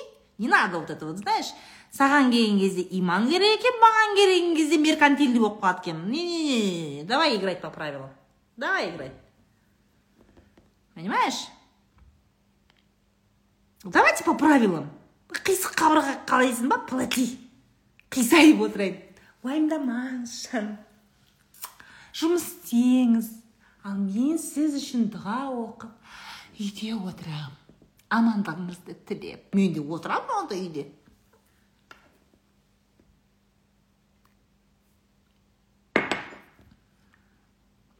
Ол сондай нәрсе да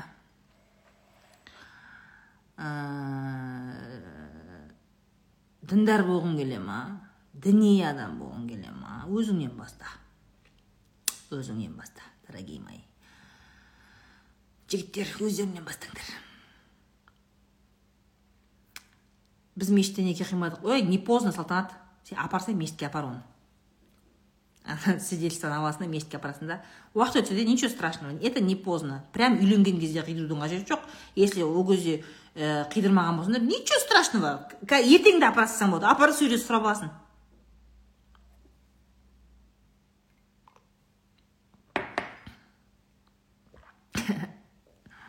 Конечно майдай жағады но это же дұрыс қой енді. Әділетті болу керек қой. Барлық нәрсе әділетті болу керек. Әділеттілік деген сол.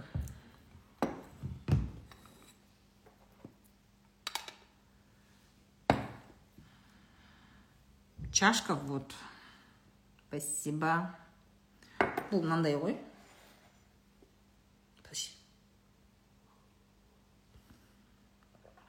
Мынандай ғой короче. Бір адамдық шай ғой шайнек қой мынандай. Тірілік свет бір жерде жатыр. Осындай набор ғой.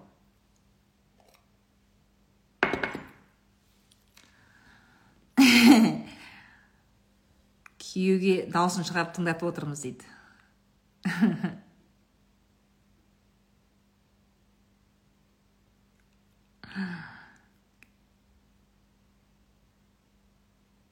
Почему муж игнорирует семью, уходит друзьям?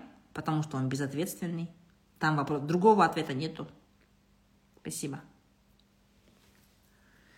Другого ответа. Почему муж э, не сидит в семье, гуляет? Почему муж изменяет? Почему муж не зарабатывает?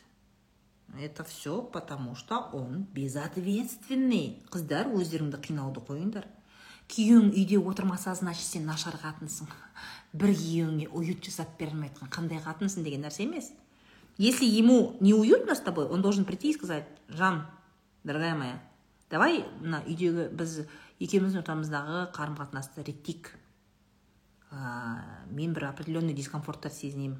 Осыны екеуміз екі жақтап реттейікші дейді ответственный еркек. Ол қашпайды.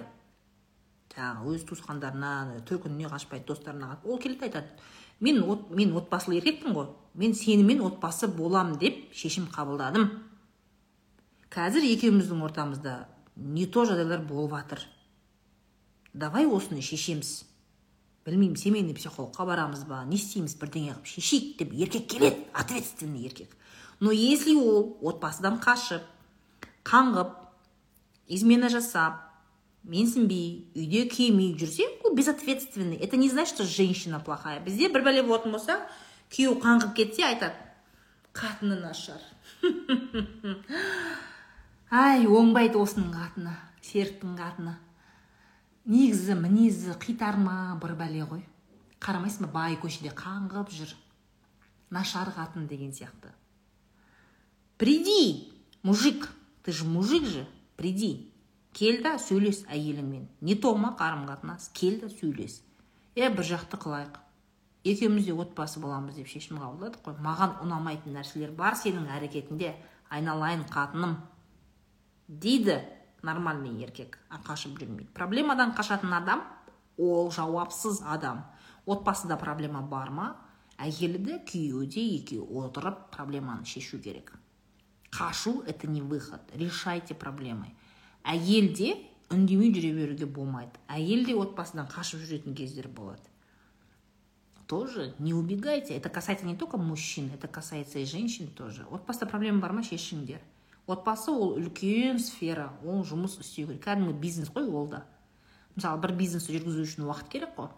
Допустим сенің қазір рестораның бар. Енді сен автомойка ашқың келеді. Сен екеуіне де үлгеру керексің. Тура сол сияқты. Сенің жұмысың бар еще сенің отбасың бар.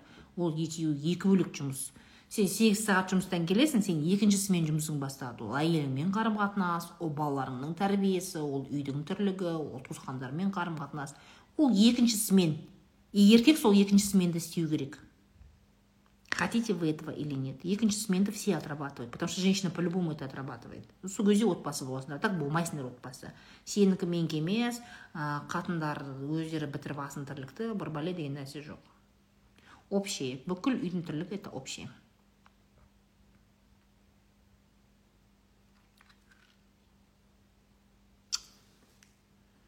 Салют па?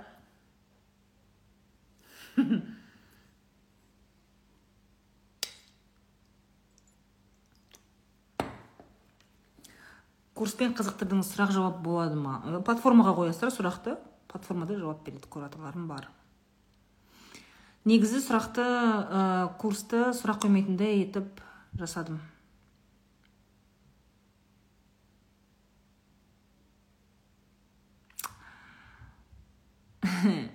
Салют ұнап қалды ма?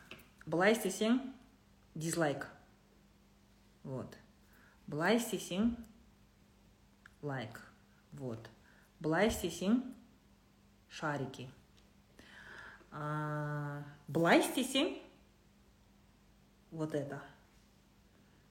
Сосын тағы не бар қандай жесттер бар еді әйтеуір мынаны білем қалғанын ұмытып қалдым білмеймін осы по моему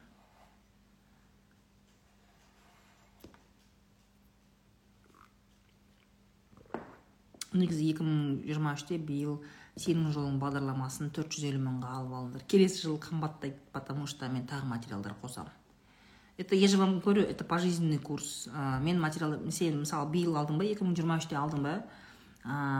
Екі мың жиырма төртте мен жаңа материалдар қоссам жиырма үште алғандарға сендерге сол жаңа материал келіп обновление болып келіп тұрады. Бірақ жиырма төртте сатып алғандар сендер уже қымбат аласыңдар.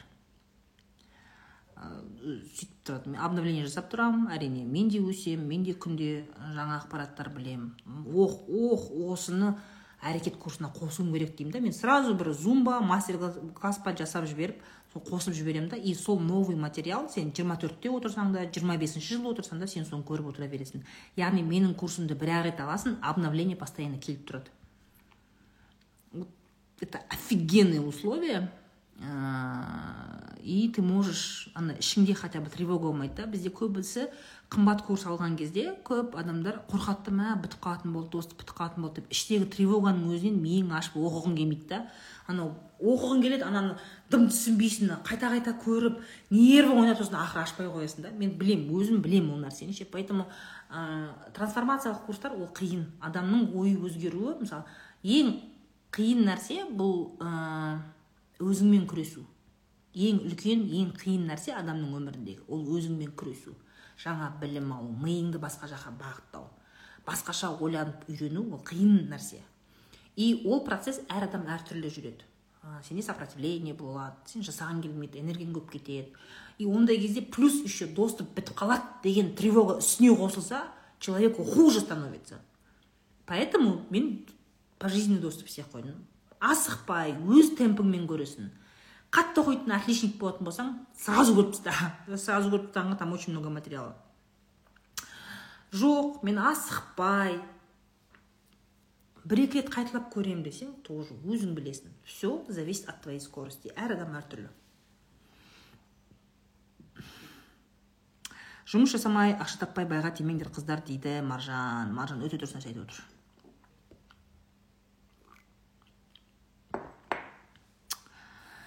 Гүлия қыздар алыңыздар дейді. Иә қанша курс ақша күйді ғой. Вот сендердің ақшаларың күйгенін қаламаймын поэтому бір рет аласың доступ болады. Тыныш отырасың да алып алып тымпиып все равно такие трансформационные глубокие трансформационные курсы на казахском языке не делает никто. Мен оны точно айта аламын сендерге. Тура осындай трансформациялық өте терең курстарды менен басқа қазақ тілінде ешкім жасамайды. Мен оны точно білемін. Берите и спокойно отырыңдар тымпиып алып қойған болды менде бар деп. И асықпай көре бересің. Вот этой тревоги не будет знаешь то что ты ақша құрттым блядь деген болмайды. Да спокойно көресің. Я не хочу чтобы вы э, тихо меня ненавидели. Я хочу, чтобы вам нравилось то, что вы у меня купили.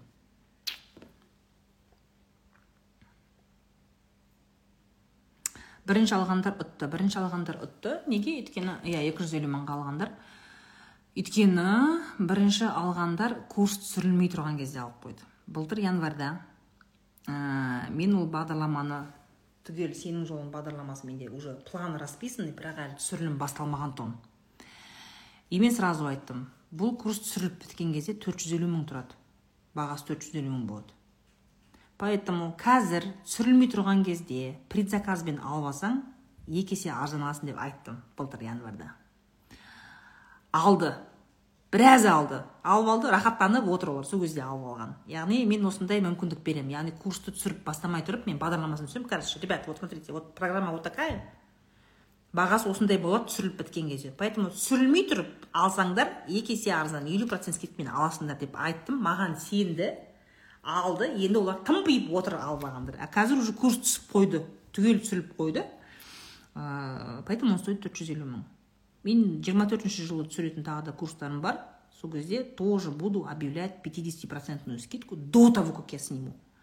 Иә мен сондай функция жасаймын. Бірақ курс уже түсірілгеннен кейін оның бағасы никогда түспейді. Ондай болмайды. Ойламаңдар ана ә, жаңа жылдың алдында распродажа бұрынғы курстарыма жетпіс процент скидка деген нәрсе менде болмайды. Бұрынғы курстарыма скидка болмайды не ждите. Енді баға өспесе ол вообще өспесе вот э, ол түспейді. Көтеріледі көтеріледі көтеріледі. Өйткені простите это такие условия. Глубокие трансформационные курсы негізі стоят намного дороже намного дороже. Сондықтан да скоро продажа ашылады как раз жиырма төрт ай ашылатын кезде ашылады алатындар алып алыңдар одан кейін баға уже көтеріледі. Скорее всего уже келесі жылы ол уже алты жүз мың болатын шығар.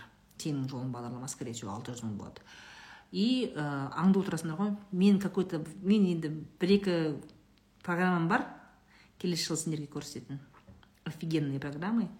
Тоже түсірілімге дейін курсты түсіріп бастағанға дейін распродажа істеймін. Сол кезде предзаказ жасаған кезде алып аласыңдар. Одан кейін түсірілгеннен кейін ол бағасы түспейді. Яғни менде андай емес та бізде мынандай бүйтеді көбісі курсты түсіреді да түсіріп сатып сатып сатып болғаннан кейін скидкамен топтап сатып жібереді у меня не так түспей тұрып баға төмен курсты түсірмей тұрып баға төмен курс түсіріп болған кезде все одан кейін баға түспейді ол только өсе береді ә, сондықтан да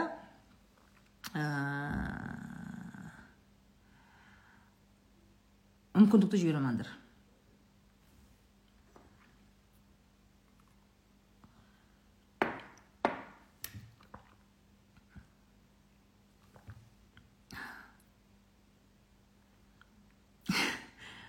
голландты сізге апарып тастап курс аламын ма дейді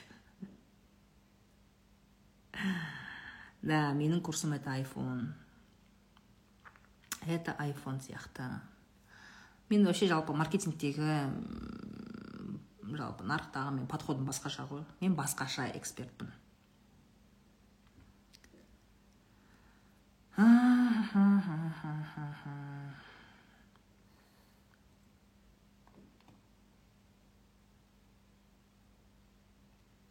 ваш курс брать налом или закрыть долги, оставить на потом. Я тебе предлагаю закрыть долги. Қарыз, ол сенің ішкі тревогаңды оятып тұрады. сен уайымдап тұрасың каждый раз уайымдап тұрасың барынша қарызсыз өмір сүруге тырысыңдар дәл қазір қолыңда наличка болса қарызыңды төле сөйт та ниеттен тағы да ақша істеп менің курсымды алам деп понимаешь долг он всегда сенің ішінде мынандай бір тревога оятып тұрады ше бүйтіп ананы төлегенше ішіңде қыжылдап тұрады. На самом деле қарызсыз өмір сүру қандай бақыт қандай еркіндік? Төлеп таста төлеп таста да ә, ниет қой. Ниет қой сондай ше. Ә, алам деп. Сен ішіңде тревогаң болмаса сен мақсатыңа оңай жетесің. Поэтому бірінші төлеп таста неғып бүгін тыныш дейсің ба? Шаршап отқаннан кейін шығар мен өзім шаршап отырмын ғой.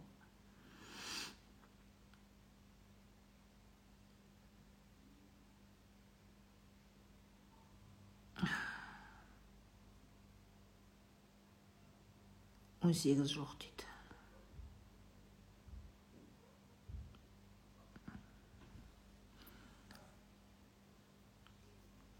Адам аз да. Адам да аз настроение де аз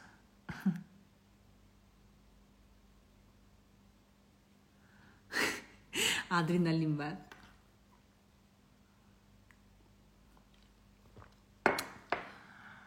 мүмкін нервті оятатын сұрақтардың аз болуы мүмкін сендердің миларың кірейін деген шығар а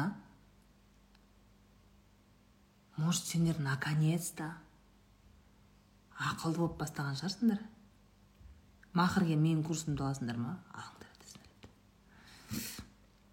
а сендер миларың кіріп сөйтіп қалған шығарсыңдар онда? Көрдің ба? Ақша туралы даму туралы бизнес туралы сұрақтар қойып жатсыңдар ғой. Адам болып қалыпсыңдар сендер.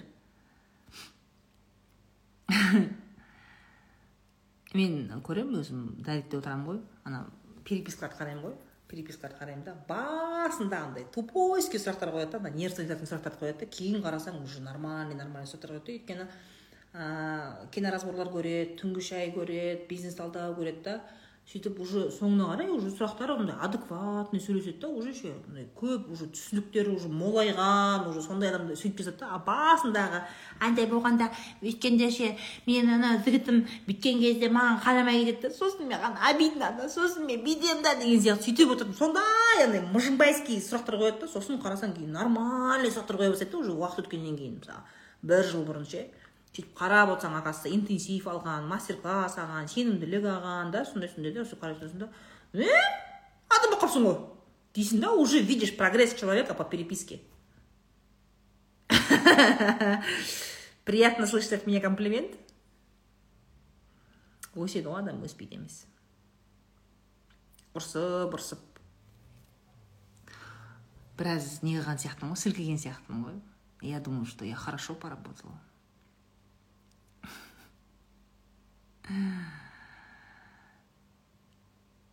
Я думаю, что я хорошо поработала над вами.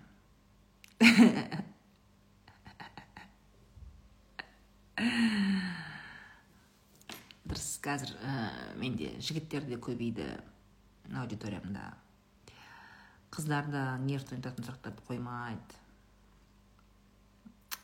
Поэтому қоймайды емес қояды. Бар ғой.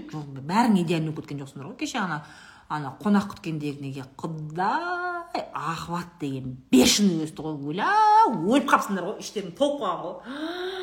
Мені тәрбиелеп ойбай сен. Сол кезде сонша былжырап бір жұмыртқаны қуырып оны сәндеп жылдам жылдам етті алып разморозка жасап картошка қуыратын уақыт болды ғой. Деп ойбай а мен даритын деген жарылды ғой құрсын. Сол кезде мен ойладым мыналар адам болмайды екен деген сияқты. Бүгін нормально өтсіңдер ғой эфирде нормально өтсіңдер балаларыңыз бөлек тұра ма дейді. Е жоқ әлі кәмелет жасына толған жоқ қой. Бөлек тұрамайды ғой таргеттегі еркектерге қосыңызшы дейді. Ой.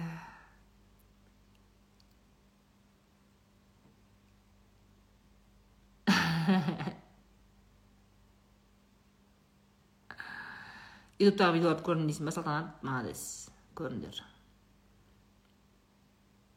ұйқым келіп жатыр ұйқым ұйқым қимай жатырмын дейсің ба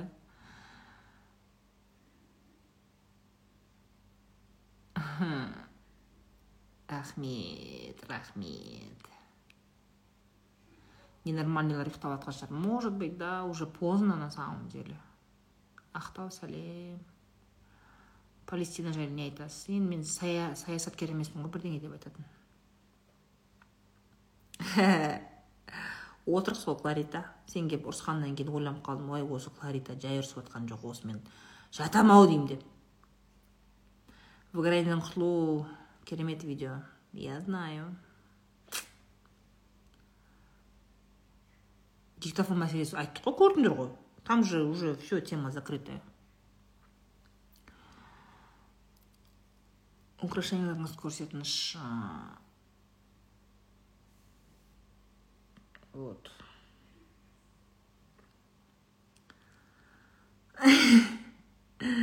қайдан келдіңіз тойдан келдім ұяттан қалай арыламыз?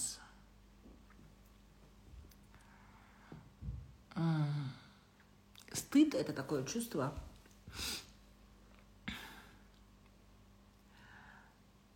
Ұят ол саған өз таңдауыңды жасауға өз қалауыңды өмір сүруге кедергі жасайтын сезім.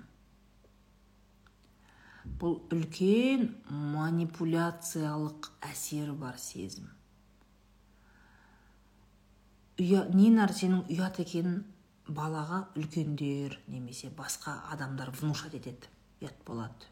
Үйтіп отырма бүйтіп істеме бүйтіп сөйлеме. Яғни басқа адам сенің құқығыңды сенің таңдауыңды сенің қалауыңды алып қойғысы келген кезде саған ұят болады деп сені басады. Ә, практически барлық үлкендер сөйтеді. Біз сол ә, ұят деген түрмемен өсеміз да и есейген кезде өз миыңды қосып өзіңнің қалауыңды өзіңнің шешіміңді өзіңнің таңдауыңды жасаған кезде сен іштей сол бала кездегі кішкентай кезіндегі или жасөспірім кездегі сол басқалардың сенің аяқ қолыңа салып берген жаңағыдай бұғаттап тастаған ә, бір кедергісін сен ала алмайсың сен вроде бы үлкенсің уже. Иә вроде бы уже үлкенсің. Может уже отбасылы шығарсың. Бірақ та жаңағы бір какой то бір ұят сені қыспақтай береді. Жаңағы қонақты не то күтіп жатсың байыңа сен не то әйелсің балаларыңды сен че то аз туып жатсың көтің бітеліп қалған сен қатынның тағы бірдеңе тағы бірдеңе ұят ұят ұят. Иә қоғам ұят деген сөз арқылы адамды басқарғысы келеді адамның еркіндігін алып қойғысы келеді. Ұят ол өте ауыр сезім. Есейген адам өзінің басында өзінің басында осы мәселеде шешім қабылдай алу керек. Сен үшін не ұят? Иә? Моральды этикалық өзі нормалар болады иә? Өзі қоғамдық моральдық этикалық иә? Ол мысалы кез келген вот во всех аврамических религиях ә, яғни христианство католицизм және исламдағы жалпы барлық дәстүрлі діндердің негізіндегі бар моральды общие человеческие морально этикалық правилалар бар да мысалы не убей не обмани не укради деген сияқты. Осындай моральдық этикалық бір нормалардан асатын оған дым қатысы жоқ иногда. Кейбір осындай манипуляциялық өтірік ұят деген нәрсемен адамдар бір бірін басқарғысы келеді. Ересек адам сондай нәрседе өзі талдап өзі анализировать етіп өз границасын қоя алады. Ал сен ересек адам болсаң сен границаңды қоя аласың ба? Қоя алмайсың ба? Насколько ты взрослый человек? Ұят деген нәрсе сен үшін ол не? Сені ұят басқара ма? Әлде сен ұятты басқарасың ба? Осы туралы ойланып көрдің ба қаншалықты сен ересексің? Жалпы ә, ұят иә чувство вот стыд да? Как от него избавиться? Ол сенің жолың бағдарламасында бар. Мен оны қостым. Өйткені ол керек тақырып. Ол өте керек тақырып. Ә, ақша тауып жүрсе де ә, кәсіпкер болып жүрсе де көбісі жаңағы ұяттың кесірінен ә, жеткен жетістігіне қайтадан жете алмай қалады. Жасаған ақшасына қайтып жете алмай қалады. Тағы бірдеңе ұят сосын әйелдерге өте қатты мешает еркектерге де. Жалпы ә, ер мен әйелдің ортасындағы ә, интимдік қарым қатынасқа ұят өте қатты кедергі болады.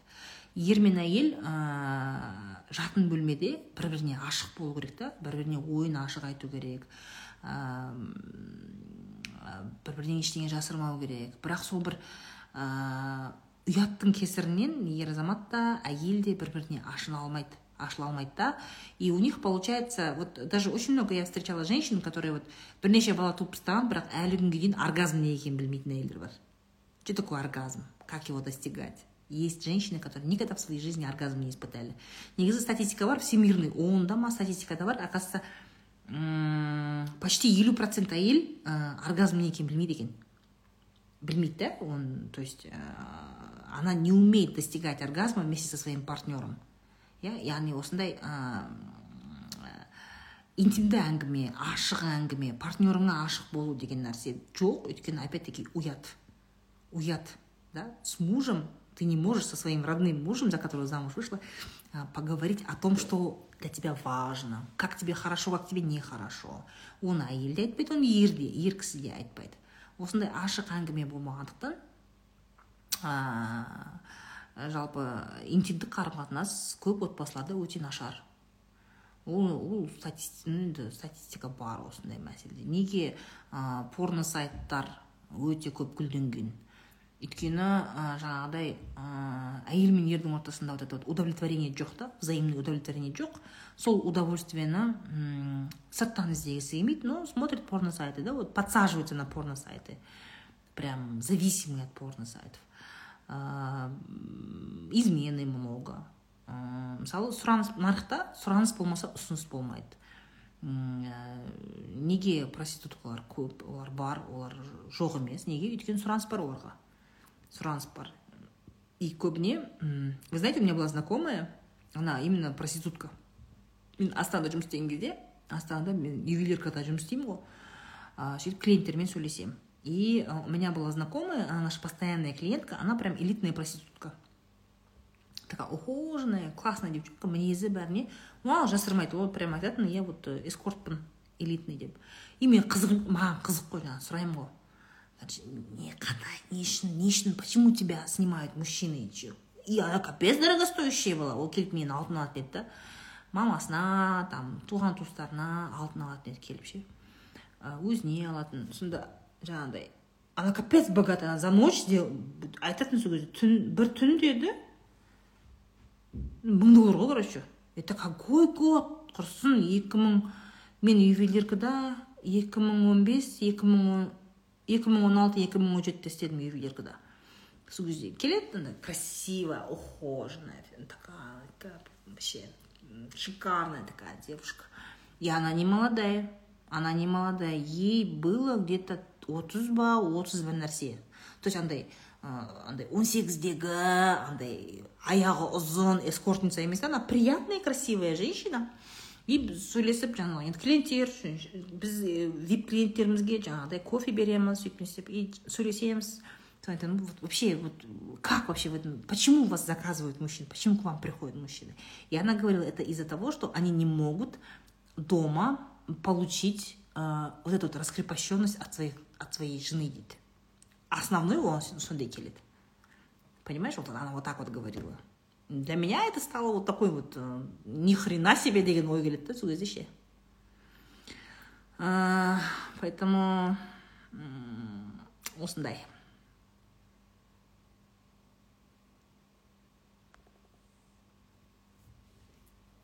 сіз неден бастадыңыз осы блогты про мышление начала рассказывать. Посты были про мышление. Не болды әйтеуір проституткаларды айтып бердім ба сендерге эскортницаларды астанада алматыда бар бар шығар білмеймін бірақ астанада мен көбірек көретін едім потому что премиальный сегментте көп жүреді. Ондай қыздар премиум сегментте өте көп жүреді.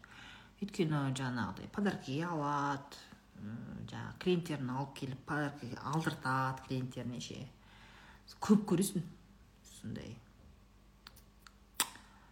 Вот.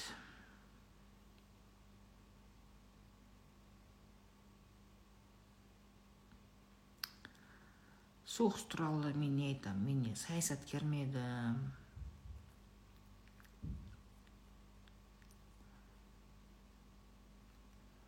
Лобковскийдің алты правиласы қазақтардың менталитетіне бола ма? Болады деп ойлаймын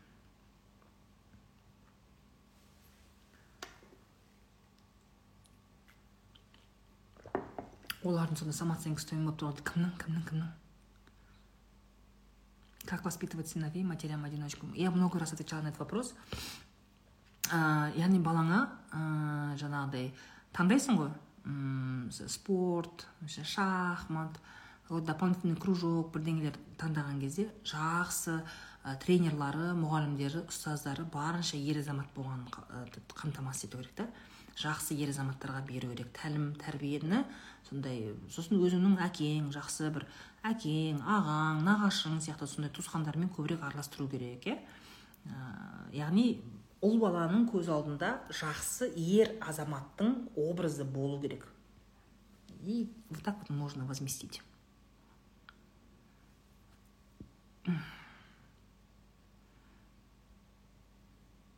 Түріңіз шаршап тұр. Да шаршап тұрмын что то жатамыз ғой деймін жанат бақыт қарайсыз ба? Қарамаймын негізі ше. Бірақ анау осы қай кезде осы жазда ма көктемде ма? Қатты жаңағы хейт жинаған кезде барып қарағам. Страницасын ше. Қатты шум шығарды ғой. Мама құдай жанат бақытқа бәрі тиісті ғой сол кезде. Жаңағыдай андай нелер бірдеңе кенесарының басы бірдеңе дегендерді айтып сөйтіп ше сол кезде өйтіп уже рекомендацияға да шығып кетеді бүйтіп қарасаң шығады да рекомендацияға шығып кетеді да уже. Вот сол кезде бір екі рет байқадым естідім. Я конечно была в шоке а по моему я даже в телеграме писала. Я в телеграме писала про то это капец вот это был такой знаешь информационный взрыв был. Мә прикинь андай прям өңкей өзің ойлашы біз біздің блогинг біздің қазақ тілді блогинг көбіне ислами ғой. Қазақ тілді блогинг бізде көбіне ислами. Даже если бізде қазақтарда бар басқа дінді ұстанатын қазақтар бар иә? Христиандар да бар католиктер де бар кришнаиттер де бар. Дінсіз яғни атеистпін агностикпін дейтіндер де бар да. Бірақ олар ештеңе деп айтпайды. Өз позициясын өзінің дінге қатысты позициясын айтпайды да. Бізде в основном мен мұсылманмын дейтіндер болады. И бізде бүкіл блогингта бәрі тек қана мұсылманствоның темасында и бір кезде сондай тишинаның ортасында дейді да. Ядерный бомба жарылады. Ғой ана жерде отырып алып жанат деген. Жібереді ғой ана жерде. Е дегенсің ғой. Құрсын. Бәріміз шок болдық қой. Инстаграмы деген қоғам. Между прочим она не только от нее отписались очень много людей к ней подписались. Я именно следила за тем тенденцияны қарап отырдым да. Интересно соншама бәленбай миллион екі миллион ба? Екі миллион ә, подпискасынан адамдар отпишутся или что к ней плюсом пришли. Меня это удивило. Мен таңғалғаным сол болды. Плюс келді оған ше. е дегенсің ғой я думала все сейчас толпой отпишутся болды нахрен болды саған жазылмаймын деп шығамын нет возможно кто то отписался но подписанных было больше я помню у нее где то два миллиона что ли было потом где то бә жүз мың ба екі жүз мың ба бір ақ келді ғой прикинь вот это вот это охваты вот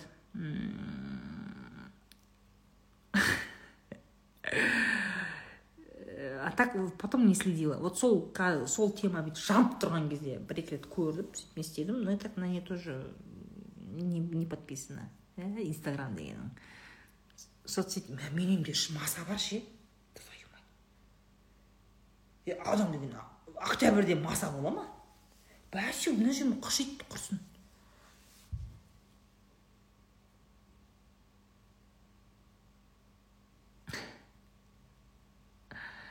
тәңіршілдіктің бәрі қазақтың салт дәстүрі мен наным сенімдер ырым тыйымдар ғой. Өзі жүр. өзге дінге қазақтар көп тіл тигізеді адамның сеніміне қол сұғады дейді.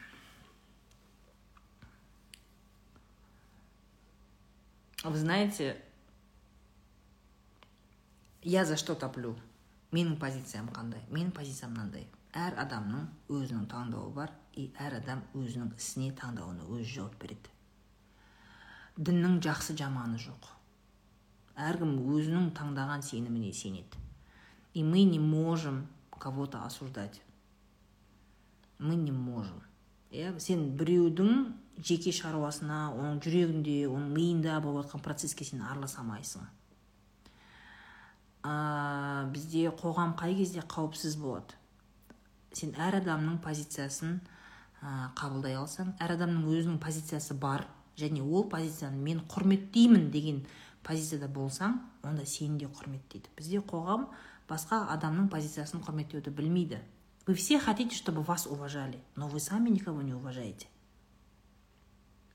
Иә мысалға да сендер ты хочешь чтобы тебя уважали твою позицию уважали твой выбор уважали. Қоғамның сенің позицияң сенің выборыңды таңдауыңды соған бір құрметпен қараса түсіністікпен қараса деп деген сенде сондай қалау бар да? бірақ сен өзің соны істемейсің ғой жаным ау. Сен оны өзің істемейсің ғой. Сен отырып бөлесің. Мынауынікі дұрыс мынауынікі дұрыс емес. Сенің дінің мынандай сенің мынандай сенің ақидаң мынандай сенің мазхабың мынандай деген сияқты. Мы живем в современном мире в, глобали... в мире глобализации. Мысалы қазақстанда тек қана қазақтар тұрмайды ғой әртүрлі діндер тұрады. Әртүрлі ұлттар тұрады. Бізде қазір жалпы бізде өте көп мысалы мындай неше түрлі хорошо бізде көршілес мемлекеттің ұлттары тұрады иә? Мысалы мына жақтан қытайлар тұратын шығар мына жақтан қырғыздар мына жақтан өзбектер мына жақтан орыстар тұрады біздің мемлекетте ше? Бірақ бізбен шекара емес қаншама ұлттар тұрады ғой бізбен.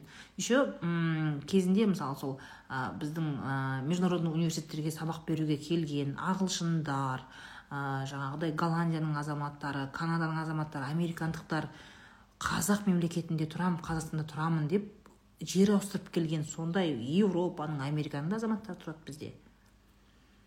Мы живем в разноплановой абсолютно в разноплановой стране где есть разные религии разные нации абсолютно разные люди.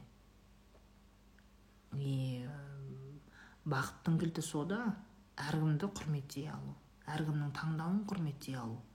Біз бір бірімізді ұрса алмаймыз біз бір бірімізді жеке алмаймыз әркім өзіне жауап береді.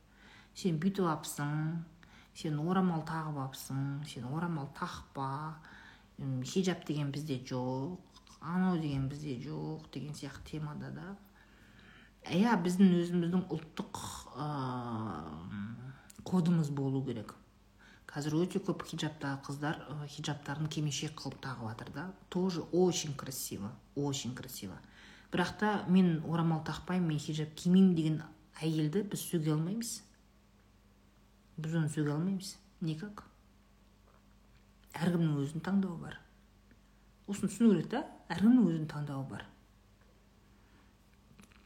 Если мы будем так жить мысалы сен біреудің таңдауына құрметпен қарасаң басқалар да сенің таңдауыңа құрметпен қарайды кішкене ойлансаңдаршы сенің құндылығың біреу үшін құндылық емес. Никак. Сенің құндылығың біреу үшін құндылық емес. Әркімнің өзі даже сен туған күйеуіңнің сен қасыңдағы күйеуіңнің құндылығы сенікіндей болмауы мүмкін. Бұл әлемде самый большой секрет это окружить себя людьми у которых единые ценности. Күйеуге тиген кезде де или үйленген кезде жігіттер иә үйленген кезде сен алып жатқан келіншегіңмен сенің құндылығың сәйкес келмесе ертең қиын болады саған.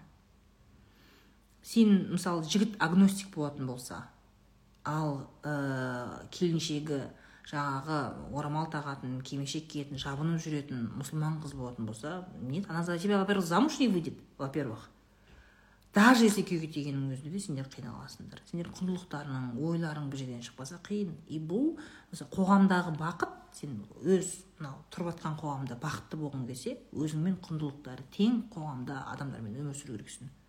Сондай дос сондай орта табу керексің. Ақшадан өліп қалғансың ба онда ақшадан өліп қалған адамдармен дос болу керексің. Сондай адамдарды тап. Сен өзің ақшадан өліп қалғансың да бірақ қасыңдағы достарың таныстарың ой ақша деген қолдың кірі не ол ақша деген құрсын? Адамдар деген осындай. Блогерлар деген ауадан ақша істейді ақшада құнып кеткен адами деген бірдеңе жоқ деген сияқты. Сондай достармен араласатын болсаң онда нет. Онда сен тебе придется похоронить свои мечты. Ақшадан өліп қалғансың ба? Ақшадан өліп қалған адамдармен аралас өзің сияқты. Қызық болады вот сол кезде будете разгонять идеи брейншторм кәсіп деньги цели деген сияқты. Бұл өмірдегі сол бақыттың кілті қоғамдағы жеке басыңның емес қоғамдағы бақыттың кілті.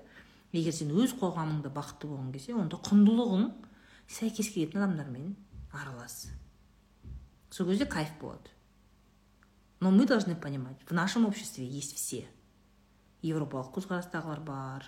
Мысалы алматының өзіне қарайтын болсаң алматының өзі бір ғана қала. Әр районы бір біріне ұқсамайды ғой. Мына старый алматы жақта неше түрлі жастар жүреді. Ты не понимаешь анау не ұл ма қыз ба түсінбейсің иә? Ол жақта бәрі бар. Лгбт өкілдері бәрі сол сол орталық старый алматыда орталық жақта. А сен мына жаққа әуезовский районға бар алатауский районға бар. Әуезовский районда мысалы үшін ақсай ақсай мешітінің қасында. Бәрі салиқалы ә, сондай өзі бәрі сондай. Ол жерде бір орыс таппайсың. Бәрі сол мұсылмандар. Көп сол жақта орамалды қыздар сақал қойған жігіттер бәрі халал тамақ жейді. Ол жерде алкогольный заведение жоқ та мысалы үшін да. Бір алматы. Бір алматыда өзі сондай да. Ана жаққа тулибайка сол жаққа баратын болсаң охо не бір шаштары жасыл қызыл не ұл емес не қыз емес түсініксіз адамдар жүреді бір алматының өзінде. Это не значит что кто то не прав. Все мы правы все каждый прав сам по себе. Біз қоғамда осы нәрсеге спокойно қарауымыз керек. Поэтому мүмкін жаңағы жаңағы бес уақыт намазы бар ұлдар қыздар. Наверное сендерге центрда қыдырудың қажеті жоқ шығар. Ол жақта өздерінің барлары бар өздерінің жиналатын жерлері бар да сондай да. Әр ортаның өзінің бір бір отличительные черты өзінің бір әртүрлі бір көріністері болады да. И ол адам үшін бақыт та өз ортаңды табу. Өзің жүретін ортаны табу. Кейбір адамдарды мен сол ә, орталық орталық жақтағы мен көп таныстарым бар да.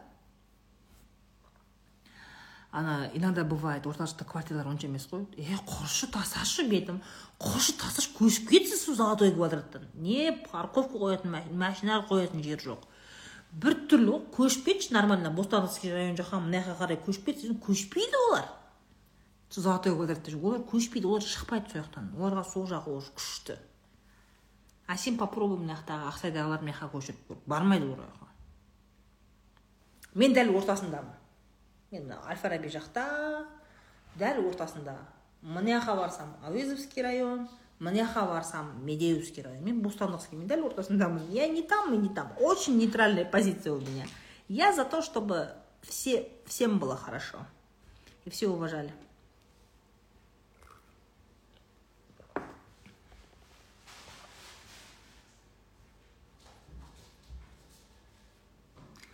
көп жаман жаман жаңалықтың бәрі алматы деп естиміз. Үлкен қала болғасын қорқасың дейді. Е салтанат. Жаман жаңалық. Түркістан облысында болып жатыр ғой. Ән тағы да бір жігітті ұстаған педофил. Бір емес үш қызды зорлаған. Үш қызды зорлаған. Блин эфир завис.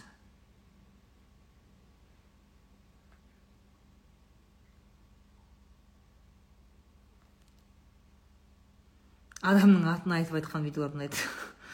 Е ондайлар болды ғой. Он бес қыз болып па? Елки палки. Елки палки. Он бес қыз ба? Прикинь да вот ә, жаңағы сол педофилді жаңағы ұстап алған педофил уже мойындады деп жатыр ғой. Соның жаңағы характеристикасын сұрап жатыр ғой енді. Қандай еді? Бастығынан да сұрап жатыр үш жылдан бері істейді. Жаңағы бізде балабақшада үш жылдан бері охранник болып істейді. Жұмысына тиянақты. Никогда кешікпейді никогда жұмысты бұзбайды. Сондай өзі үндемей қалған бұзықтығы жоқ бес уақыт намазы бар. Сондай бір үндемей қалған сондай дейді. Характеристикасы сондай да. Ешкім ойламайды ғой ондай адам сондай иттік жасайды деп ше? Блин это конечно ужасно.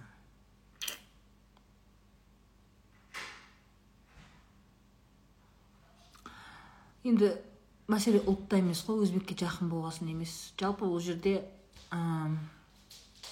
вопросы проблемы педофилии в целом бұның бәрі жаңағы жыныстық сауаттың болмауы. Ғой жыныстық сауаттылық неге жоқ өйткені ұят көп ұят ұят ә, ол 33 жастағы еркек педофил. Ол бала болмады дейсің ба? Болды ол да бала болды. Он да мүмкін не знаю были может быть периоды когда он мастурбировал или еще что то какой то бір психологический травма. Может его кто то насиловал в детстве.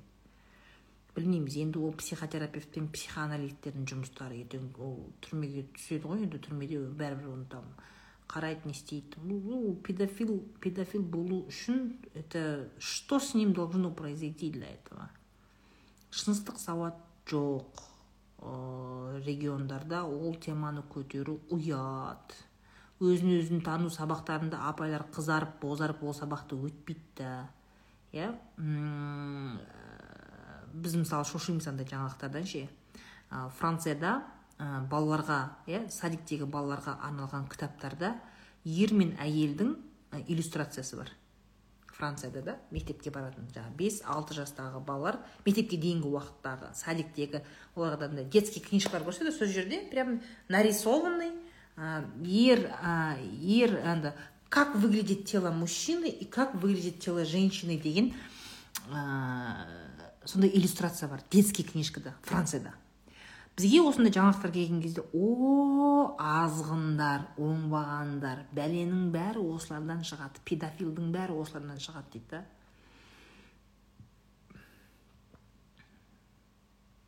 Это ол жыныстық тәрбие бала қай кезде жаңағыдай мысалы бізде қазір мектептерде де көп қой. Старшеклассники насилуют девочек или мальчиков которые төмен класстағы ұлдарға балаларға сексуалды зәбір көрсетеді. Үлкен сыныптағылар. Немесе балалар бір біріне зәбір көрсетеді иә бір сыныптағылар. Садикте бар ондай нәрсе. Неге? Өйткені ә, жыныстық сауаттылықта мысалы балаға кішкентай кезінен айтады міне сен қызсың сенің денең осындай дейді. И ұл балаға да сен мынандайсың сенің денең осындай ал қыздың денесі мынандай. Оны ашып көрудің қажеті жоқ. Міне осындай деп көрсетеді бала кезінен. Жаңағы иллюстрацияға не үшін жасайды? Сол үшін ода қыздың бір денесін ашып көру оның іш киімін ашып көру деген қызығушылық болмайды ода. Ол біледі ода не бар екенін. Да у нас например өте көп жаңағыдай сексуальный домогательство. Балалар бір біріне ауылға каникулға барған кезде көршінің балалары бір бірін зорлап бізге миллион сондай хаттар келеді ғой кезінде көршінің баласы маған бүйткен нағашымның баласы маған бүйткен деген сияқты. Неге? Ол чисто такой интерес. Интерес сенде не бар. Там у тебя в нижнем белье что есть? Иә балаға ол айтылмайды қарама ұят болады да. Балада естественный интерес потом он уже переходит в агрессию. Ол жаңағы күштеп өзінен кіші қыздан өзінен кіші ұлды зәбірлеп болсын сол нәрсені жасайды. А если жыныстық сауаттылықты айтады міне қызға да ұлға да айтасың да міне міне сенің денең осындай ал қыздардікі мынандай болады. Міне вы отличаетесь. Секс – это вот это. Сексом нужно заниматься.